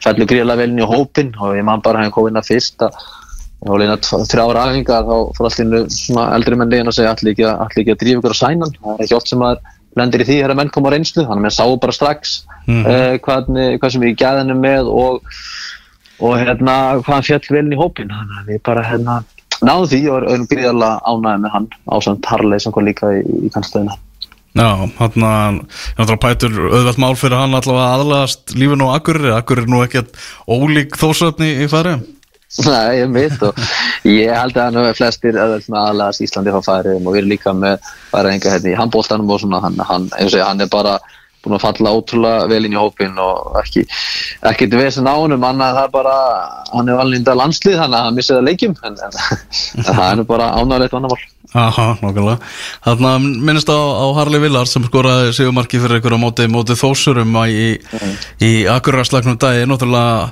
já, var besti leikmaður þósara í, í fyrra þannig að hann fer þarna þessa umtildur leið að skipta úr uh, bæjarhluta í, á, á Akureyri Já. þarna hvernig svona var ferlið að, að ná í hann Já, ferlið var bara mjög einfalt. Það er að sambandi okkur og sagt að Harleys er búin að er sér farin frá Þór uh, og sem kom okkur óvart. Uh, það er eitthvað millir hans og Þórs hvernig, hvernig það flosnaði upp og, og þá bara skoðuð hann möguleika. Við vorum ekki búin að skoða hann fyrir að fengu þessa upplýsingar uh, og eftir að við skoðum hann og, og heyrðum í í mönnu sem var að spila með honum til dæmis bara Ívar Örn Árnason varnamokar hefur spilað með honum og þá voru samfæður um að hann er mjög góð viðbót fyrir hópin, hann er mikil gæði um, flottur strákur uh, liðsmaður, þannig ég var bara gríðarlega ánægð með það. Og hann byrjaði hann að koma inn að smá hans í baki og mista fyrstu vikum en svo er hann bara að vera gríðarlega vaksandi hann er hérna, mjög góður og litlu svæði og hann er með góðan fót bæði skorandi og, og leggjandi upp þannig að hérna, eins og ég, hann datt svolítið upp í hendur á okkur og, og við erum bara ánægði með það og, líka þá hann er bara líka vel. Hann er búin að búa Akureyri og það er engin svona engin, heil engin svona óvissu þáttur hvernig það fellur inn í bæin eða konan hans eða eitthvað svo leiðist, það var allt tipp topp þannig að við hérna bara gríðilega ánægði með hann og hann er bara búin að koma rosa vel inn hjá okkur. Mm Þannig að ég held að, held að já, þeir endur náttúrulega í öðru sæti í, í deildinni í fyrra, eru búin að vera í ótíma bara spánu hjá okkur held ég fastir í, í þessu fjórða sæti hérna, kannski svona erfitt að brjótast inn í já, þennan hóp breyðablík vikingur valur sem eru búin að vera í efstu sætunum í, í, í spánu hjá okkur. En hvað teljið þið sjálfur fyrir norða, hvað eru menn að tala um hérna þegar þeir hittast á, á bautanum og svona, hvað er hérna Greifanum. Já, greifanum. Uh, Ég meina við ætlum okkur að vera í toppáratu og ég get alveg sagt að hérna er svona létti gríni. Mér agalega sérstök umföllun að hérna það er aldrei minnst á káa í fyrra heldur það er alltaf bara hvað breyðablík voru sérst góður sem er svolítið voru unni dildina og, Mhm. og hvað vikingur var að pressa á þá og, og fleira sko. Og hérna mér finnst það mjög komist eh, við endum ekki eftir vikinga heldur fyrir ofan á Ekki jafnmörgstig, ekki eitt stig, ekki tvö stig, ekki þrjú stig, ekki, við endum fimm stigum fyrir ofan viking sko. Einmitt. og það er ekki minnst á káa sko. Já, þetta gleymist aldrei, sko. Víkingur voru nálátt í að berjast breyðarblik sko. Víkingur voru frábært lið og gerði vel í fyrra. En káa var vissulega í toppbarnir í fyrra. Já, og hérna, þannig að mér finnst þetta var rosalega sérstök um að þetta gera. En, en já, við ætlum okkur bara að vera í toppbartu, við telum okkur vera sínta síðustu ár, ekki bara fyrra þar á undan vorum við í fjóraðsætti og vorum hérna bara einu leik frá því að ná erbukefni þá líka Mhm. þegar Káver náði því þannig að við ætlum okkur að vera í toppartu og við ætlum bara að fara að vinna þetta á mót. Allavega markmið klúpsins er að vera í, í, Evrópukeppni og við náðum því fyrra og, og teljum okkur um lítið sem náði aftur í ár. Já, nokkulega, þarna, eins og segir, í öðru sæti og, og það er bara, já, eitt sæti í ef það ætlaði að gera betur en það á, á þessu tímabili. Já, já, ég menna þetta kýtlar að þeir eru búin að vera þarna og menn finna og þú farir líka bara svona vist sjálfströst og trú á hlutina þegar þú upplifað þetta, ekki bara að tala um þetta. Við vorum bara greiðarlega flottir í fyrra og það svo sem gefur okkur til að allir byrja með núlstíg annað en að við vitum að við höfum gæðin. Mm. við vitum að við gerðum vel og við erum með greiðarlega vel samsettan hóp. Við erum með bæði aldur samsetningin er góð, við erum með unga, við erum með með aldur og svo reynslu mikla og við erum líka með rosa skemmtilega mismunandi típur þú sé bara fram á við, við erum bæði með strákar sem eru frábæri að hlaupa djúft og svo erum við með strákar sem eru góður á, á litlu svæði þannig að við erum með svona höfum við henni fleiri strengi að spila á heldur en, en síðast ára mínum að Já, nokkulega. Hvernig bara svona, já, líst þér á, á, á, á deildina? Það er náttúrulega allir, allir með vonur og væntingar á þessum tíma þegar það er innan við, við, við mánuður í, í mót. Já, mér líst bara vel á þetta. Ég held að þetta getur verið jafnari deild. Ég held að sé hann að nokkuð í fyrra sem að ætla sér að spýti í sem gerði ekki vel lið sem að vilja vera að nóvalega um, og, og mér sýnist öllu bara að þetta verði, verði jafnari deild og ég er gríðarlega hrifin að þessu fyrirkomulagi að spila tværu fyrir og skipti í efru og næri, ég er að það er mjög umdeild og þannig að Það er yfir þannig, ég upplifði þetta líka í Danmörku sko, þeir sem að ná ekki efri í hlutanum, þeir eru fúlir, þeir sem að ná efri eru sáttir sko, en Mhm. hérna, ég er bara, eins og segja, ég held að ég er deild, ég er gríða lána með fyrirkomulæðið og ég vil meina að þetta gerir miklu meiri spennu heldur en hitt. Um, sérstaklega er komið fjögur erubusæti og hérna er menn orðið að tala um þau rauk að uh, það er ekkert spennandi leikur í næri partinu millir liði segjum 8 og 9 það er búið skipt upp ég get heldur ekki segja að þessi spennandi leikur í millir sæti 8 og 9 þó að þessi þrjáru fyrir ekki búið skipt upp Nákvæmlega. Uh, Þannig að ég vil bara meina að fá fleiri góða leiki. Uh, þú farið núna vonandi hörku baráttum um, í eftir hlutunum um Európa-kjefni og titill, nú erum við fjöguli í Európu þannig að ég vil bara meina að þetta er mikið gæðurspor og vel gert og heldur sé bara að vona að þetta sé, sé framtíðin á Íslandi Þannig að hvernig er svona að taka núna við stjórnatöfumunum hjá, hjá Káa það ekki náttúrulega klúpin algjörlega inn og út eftir að hafa verið þarna. Mm. hvernig er svona farin í þetta, þetta tímabil þar sem að það er líka einmitt, þetta, það eru Evrópuleikir. Káa er að fara að spila í, í Evrópu í, í sumar sem er náttúrulega bara reysa stórt fyrir klúpin Já, það er náttúrulega bara frábært, Káa er á góðu stað sem félag. Uh, fótboltinn er öflögu núna þannig að það er bara gríðarlega gaman að vera vera að hluta þessu áfram. Uh, ég er alltaf búin að vera í aðstúðar uh, svona aðstúðar uh, þjálfari og ströglega að reyna að vera leikmaður með því síðustu ár. Mm og síðan tók ég við fyrir ústakefnir í fyrra þannig að ég sem ekki að taka við núna. Það er svolítið síðan ég, ég tók við og hérna sem segir bara hefur gengið vel og verið ánæður og maður er bara að vinna á fullu að, búa til svona sitt eh, hvað maður segja, hvernig, hvernig ég vil spila um, og hvernig ég vil að hlutin séu gerðir um, Mm. búin að vinna síðast með Arnari sem að gerði mjög vel og, og ég er ekkert að fara í einhverjar stórkostlega breytingar sem ég, mín svona filosofía er, er lík Arnars um, þannig að það er bara svona nokkuð hlutir sem, að, sem ég vil hafa öðruvísi en, en eins og ég segi, við erum ekki að byrja á 0 í að segja taka við, ég þekki þekki strákana, þekki hvernig við spilum og, og eins og ég er mjög líka svona filosofíu eins og, og Arnar var með. Já, mann verðum ekki að fara að sjá eitthvað gjörbreytt Káalið allt í, einu í, í sumar. Nei, og enda engi þörf á því. Það gekk vel í fyrra og hérna. Þannig að við erum bara að halda áfram sem félag og Mm. hafa margir þjálfar að skilir eitthvað eftir sig og, og hérna og Arnar gera það svo sannlega en við ætlum bara hérna að halda áfram að, gera vel og svo er eina flott heim í kringum mig nú er hérna Bói, Holmar Röld komin inn líka og. Steini, Eis og hérna Eiður halda áfram og, og Bani þannig að það er svona já, svona við erum svolítið að halda áfram með það sem við gerst það er ekki verið að henda öllu út og, og nýtt inn þannig að það er bara held ég mjög gott fyrir, fyrir félagið Þau eru að lifta, lifta ráni, það er komið meiri svona fagmennska í, í, í Káa heldur en var fyrir nokkur mánum Já, klárlega, það er búið að búið að lengi það er ekkert bara í fyrir og hitti fyrir það er búið að að taka skref, uh, rétt skref hægt og róla í, mörg mörg ár. Já. uh, og við erum bara að halda áfram og akkurat núna erum við teljum okkur verið með flottli og flottan hóp og hefur gengið vel undanfærið og svo er líka bara öll aðstæðan að að verða betri. Við erum hérna að spila okkar velli með nýju gerðurgassi og það er byrjað að byggja leikvangin og gerðurgassi það verður klárt í júni um, þannig að svæði hérna er bara að verða betra og, og, aðstæðan betri fyrir, fyrir fótboltan bæði, bæði mestarlokk og yngjurlokkana mm. hvar, hvar spilar Káa heimalegi sína í, í Evrópu? það er bara ekki ljóst um, ég efast um að það verði á Norrlandi Einmitt. þannig að ég, ég hugsa að þeir, þeir verði fyrir sunnan Mm -hmm. sem er svona smá leðilegt það er, það er leðilegt að geta ekki búið Norrlandi upp á Erbuleikja Norrlandi að þau ekki með aðstöðu. Einmitt. þegar við náum að komast í Erbukefni en, en við bara við erum Norrlandingar sko, við bara græjum þetta, við bara keirum suður og fáum að pulta fólki á leikin og, gerum, gerum einhvern leikvanga sunnan á okkar heima þetta Já, nákvæmlega, búið til alvöru partí hérna, hérna fyrir sunnan. Já, því ekki annað Já, nákvæmlega. Þannig að, já, það, það stýttist í þetta og þeir eru að fara að keppa undanústaleg í, í lengjubíkarnum á móti, móti IPVAF svona eitt umtalaðast að lið landsins núna um þessa mundir komu hann á ræmingaferðinu og komu fram í dagsljósið eiginlega eftir að hafa verið, Já. hafa ekkert spilað og þeir komu inn á, svakalögum krafti með, með svakalega pressu, þetta verður já, svona skemmtilegt verkefni að takast á við þegar að, það eru nokkra vikur í mót Já, klárlega, bara vel gert af þeim, ég er múið að skoða leikinn og það er bara það er gaman að sjá að þeir eru á flottum stað og, og svona stemning og virkar svona svolítið vel samsett lið. Og þeir voru bara hörku flottir í, í síðasta leik sem ég sá og hérna, hérna þeir eru bara bara vel gert, þeir eru unna alla leikina.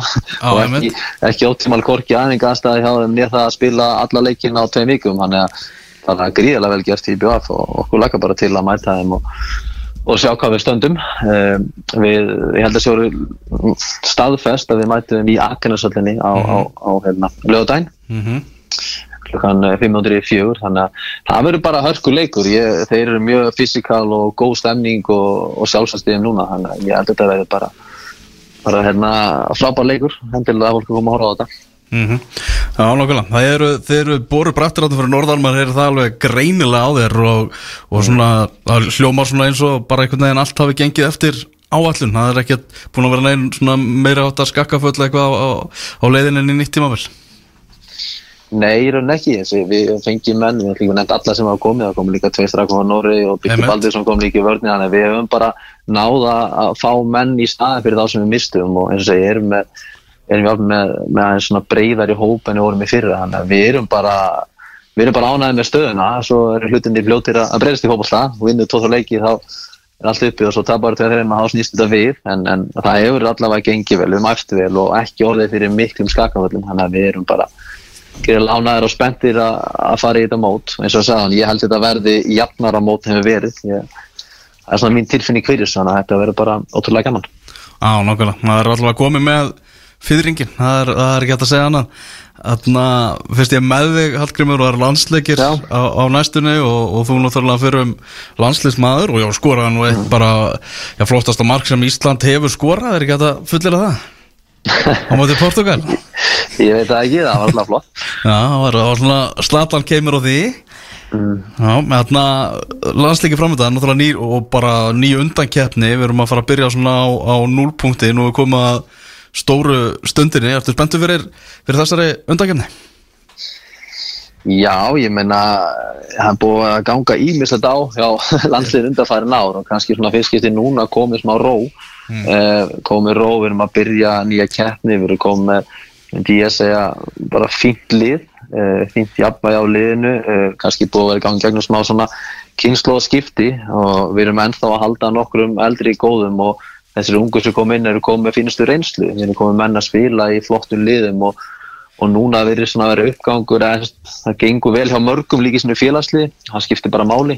Þannig að ég held að þetta sé spennandi og kannski núna hægt að fara svona virkilega að rýna í stöðuna hvar eru stattir um, ég held að Arnar sé búin að koma lína á það sem hann vill og núna vonustu bara til þess að úrslitin fara að koma líka. Um, við erum með og segi, við erum með unga efnilega stráka og, og það er spennandi, mér finnst allavega spennandi að sjá hvernig það gengur, við finnst vera að fara að spila svolítið meiri fótbolta, skemmtilegri fallegri fótbolta, en þetta orða hann í heldur við gerðum, erum náðum góðum árangi síðast. Um, og það er erfitt, það er flókið að skiptum, skiptum hérna stíl uh, á allan árangi en, en ég held að það þurfi, þannig að okkar kynsla sem er komið út núna, hún er ekki eins og eins og kynslan sem var fyrir tíu árum. Um, ég held að við erum ekki ná árangi á að liggja bara í vörn og, og spila hérna fótbolta eins og við gerðum, við þurfum að fara að færa okkur í alþjóðlega fótbolta. Og, og nú er bara að koma alveg test þannig að já, ég er spenntið fyrir þessu og það er alveg test strax, ekki Bosnía Jú, Ok. nákvæmlega. Og, og hérna, er við, ég tel ekki bara að ágæðs möguleika og, og bara svolítið spenntur að sjá þetta. Ég þekki ekki ekki allt til hann lengur og hérna hef ekkert fylst eitthvað gríðarlega mikið með landsliðinu síðan ég hætti en, en, en svona er komað smá þýringur að- að að sjá ungu stafana Já, má ekki þetta eiginlega byggja um betri riðil svona á þessum, þessum tímapunkti með þínu félögum hann í Portugal sem að ætti nú að vinna hennar riðil en annars ætti að gefur beint sæti líka á, á EM og þar er, er Slovakia og Bosnia og það er ætti að vera ansi jafnar viðrögnir á milli þessara þryggjalega Já, ég myndi segja það, ef við gerum vel úr okkar þá ætti það mitt að vera bara jafna viðraunir og við sjáum það núna á móti Bosni úti hvað stöndum við, það fáum við útileikin og ef við náum góðum úrstum þar, þá myndi ég segja að við værum bara það væri allavega góðu möguleiki ef við, við spilum vel að fara áfram. Það er alltaf algjör snild ef, að- ef við komum spennt áfram og, og ég er sammálaði, ég er líklegt að Portugal fari beint áfram. Við erum það að keppni við þessar tvær þjóðir. Þannig að það er bara Það er bara strax spennt að sjá hvað stendur við með við, Bosni og, og ég er svo öðru vikina ég hef ekki fylgst mikið með þekki ekki slókíska liði en, en maður svona áætlar það allavega að það sé lið sem getur kæft við okkur um þetta annarsætti. Nákvæmlega. Já, það er spennandi framöndan í íslensku fótbolltapaði á landsliðinu og svo náttúrulega steytti stóðum í, í bestu deildina sem að byrja annan í, í páskum. Hallgrimur bara takk hjalla fyrir að gefa þér tíma. Gaman að heyri þær og, og, og við höfum eftir að heyrast meira þegar að boltin byrja að rúla af alvöru Yes. Takk fyrir. Það sem þú lest er líi kannski viðegandi lag svona með að við þá umræði sem að hefur verið í gangi kringum landsliðu okkar sprengjuregnið sem að þar hefur verið, að- verið að falla Það er ekki hægt að segja annað Heyrðu, Það er hérna skoðanakonun á Fossíðu fótballta.net eh, hvernig fer þessi leikur Bosnia Íslanda á 15. kvöld og þetta er nánast sko 50-50 það kemur á því hvort að menn haldi að við náum í eitt eða þrjú stygg í, í þessu leik eða hvort að heimamenn vinni. 49,96% segja heimamenn vinna. En um, restin segir það að við náum í 1-3 stig og eins og segir það væri bara drullu fínt að ná í 1 stig, ná í jafntöfli í Bosni í fyrsta leik svona fyrirfram. Ég það bara verða ekki eins og Sigur Rós skrifaði á plötu umslag hér um áriðið bara, ágætið spyrjun Jú, það er ágætið spyrjun Já, sko. ég held að það sé, já, ég hérna Það væri þannig óskandi að koma heim með, með fjögusti og geta svona farið inn í næstu verkefni með svona aðeins meiri von í brjósti en hefur, eh, við höfum verið með svona undarfærin ár. Mm Nákvæmlega. Mástu við unnum alltaf alla leikina? Já, það var, það var resandi maður. Ekki ekki Það var resandi maður. Þegar fórum strákandir hérna Skelltum okkur á EM og HM og, og allt það. Við fórum bara EM í Þískalandi núna, næst. Já, en það var geggja mótur að taka þátt í sko. Já. Og EM í Þískaland Já Geggja vellir. Svona, jú, alltaf mjög gott land svona í heldina Smá brasatnum með að síðust öld en, en svona Kannski er það bara vel við hæfi að við náttúrulega íslenska landslið að fara að taka undirbúningi núna fyrir Bosníuleikin í Þískalandi Er ekki fínt að byrja þessa vegferð í Þískalandi og endana í Þískalandi? Já, byrja og enda í, munn hér Já, Áttu við ekki líka að spila í munn hérna ef við höfum farið á hérna EM allstaðar jú, gott að ekki Var ekki? Nei, áttum að vera í Ungverjalandið ekki? Jú, jú, jú. Spila hérna á Púskarsarina Það er nú einn svakalega völlum með þér Já, við töpum það náttúrulega fyrir, fyrir ungverjum Jú, jú. Eigum ekki- Við Hefum ekki góða, góða minningar, minningar þar. Ertu búin að panta þar á? Herðu, þarf maður að panta á þetta? Ég bara reiknaði með þetta er svona turistattraksjón sko. Það er endar ekki nema 87.000 sæti að- Já, og við erum að fara að koma, skilur við erum að fara að vera að það mánudag, Þannig Já, sko, barinn niður á Hofbrahás er nú bara alltaf opinn. Ég var að tala með að ætla að fara upp hérna í Tírólíð og, og fá okkur að borða á eitthvað. Já, ég, ég þarf að skoða þetta. Já, ég Mjög myndi- góða punktur, ég ætla bara að kíkja á netið á, á eftir. Maður er alltaf að fara að heimsækja þetta. Ég er fyrsta sinn sem er að fara að koma til Mönhjan Mm. Er sann aftur að fara þarna eftir uh, rétt rúma mánuð Á bæinn Mönhjan herta Berlín. Það er Já, þannig að ég fer núna að skoða eins þarna æfingasvæðið. Ok. þar, þar sem að íslenska la- landsliðið er að fræfa Já. og svo mæti ég á, á Allianz Allianz er- Arena. Er rúma, rúman mánuð Náttúrulega mikil spenna í, í þýsku búndeslíkunni Já. Það er nefnilega, það er titilbaróta í gangi þar. Það er ekki alltaf að þetta ganga því vísu Er hún samt ekki búinn bara strax eða árun að byrja Ger ekki hérna Já, Union Berlín er alltaf að farið að gefa eftir sko. Það var ekki Dortmund sem tapaði stigum? Já, nú er bæðir með tveggja stiga fórustu Já, ok, það er ekki meirið það. Á Borussia Dortmund. Ok. Og svo eru hann með 45 stig Leipzig, Union Berlin og Freiburg. Einnig sko. Dortmund á uh, Köln núna. Þurfa að vinna það. Meðan að uh, bæinn er ekki þeir klassikerum er ekki fyrsti leikurinn eftir landslíkafríð Jú, gott að það ger að nota benni þetta er alltaf síðasta helgin í uh, Európa-boltanum því að landslíkja vikan hefst á mánudaginn. Já, og þegar við snúum aftur með The Premier League Mhm. uh, 1. apríl og þetta er ekkert platt þá erum búið að breyta klukkunni. Já, þá er hátæðsleikurinn að byrja 11.30 11.32, 16.30 og markaserpan 18.30 og sunnudagarnir uh, 12.30 Nei, 1, 3 og 17.30 Já, Þannig að já, bara svona munast þetta klukkuna Þannig að missa ekki hann já nákvæmlega. Uh, Leikindin sem verður klukkan þrjú í anska bóltanum Aston Villa Bournemouth, Brentford Leicester Wolves Leeds og uh, aðaleikurinn er uh, Southampton Tottenham. Mhm. og uh, Chelsea Everton er uh, 17.30 og svona til Arsenal að kemja mútið Crystal Palace á, morgun þannig er Premier League um, um helgina. Já, Víkingur og Valur að fara að sparka boltanum á stað eftir 10 mínútur á heimavelli Hamingunar í fyrir undanústaleik lengju byggarsins eh, bæði lið raun og veru með holy moly, sitt sterkasta lið sínist mér, ætti að vera mjög áhugaverður fótballtaleikur svona í ljósi þess að besta deildin er að byrja eftir tæpan mánuð, þráttur að sé bara 18. mars, Mhm. byrjar á annan dag páska, hvorki meirinu minna. Mm og við munum nú að vel, halda áfram heita vel upp fyrir eh, bestu deildina. Uh, ég verð ekki hérna. Uh, næsta lögadag, ég er að fara að fylgja eftir landsliðinu. Jú, jú, strákunum okkar Já. Strákurinn minn, fylgir strákunum okkar. Heldur við þurr, fær ykkur fréttir eh, heim, heim í, í, í stofu eða hvað sem þeir eru Já, ég sko er með gott plan fyrir næsta lögdag Já, Og ef að það gengur eftir já, uh, Verða hlustendur ekki sviknir. Mæ uh, En meða við hvað það getur gengið mjög erfilega að fá þennan mann uh, Ekki það að hann sé ekki allur að vilja gerður. Og rúmlega það. Uh, Eitt besti fótbollamæður sem spilað hefur í efstu deild á Íslandi uh, Já, minnst okkusti síðustu 20 árin Ef ekki bara allan tíma uh, hérna, Og af okkar uppbólsleikmunum mm. Og er einn- af okkar uppbóls bara Personum í íslenska fótboltanum Svona síðust áratugina svo. Mm. Það stendur til að fá hann. Og hérna, en svo veit ég, þetta er upptöki maður Fjölskyldumæður í svakavinnu Og, Og aukavinnum og, og aukavinnum Og því hvað og hvað. Já, hefur í nægu að snúast? Já, en, Já, hérna, já. en það er þannig planið Það væri, væri gaman. Ég held að gangi upp. Já, það hlýtur Það komið, tími til. Þetta hlýtur að reddast Já, hefur ekki bara fara að eh, segja þetta gott eh, fara að leipa, leipa Dannað Dannað dæmalösa, það er áframaldið dagskráð sjálfsögðu á, á X-inu, hann ætlar að, að skemmt ykkur hérna fram að, fram að kvöldi. Já, fram að kvöldfréttum. Já, herri við fórum yfir mál málana í þessum þætti. Albert gegn Arnari komst að því að þjóðin stendur með Alberti og föður hans Guðmundi uh, Við heyrðum í Hallgrími Jónasinni Heyrðum í Jónasi Karli Guðjónsinni Anstóð landsliðsþjálfara Íslenska landsliðsins og Hallgrími þjálfara Káa og uh, svo voru við bara svona almennt nokkuð hressir. Mér fannst það. Uh, eins og sem fyrir sér Elva Ger og leiðinni til Senica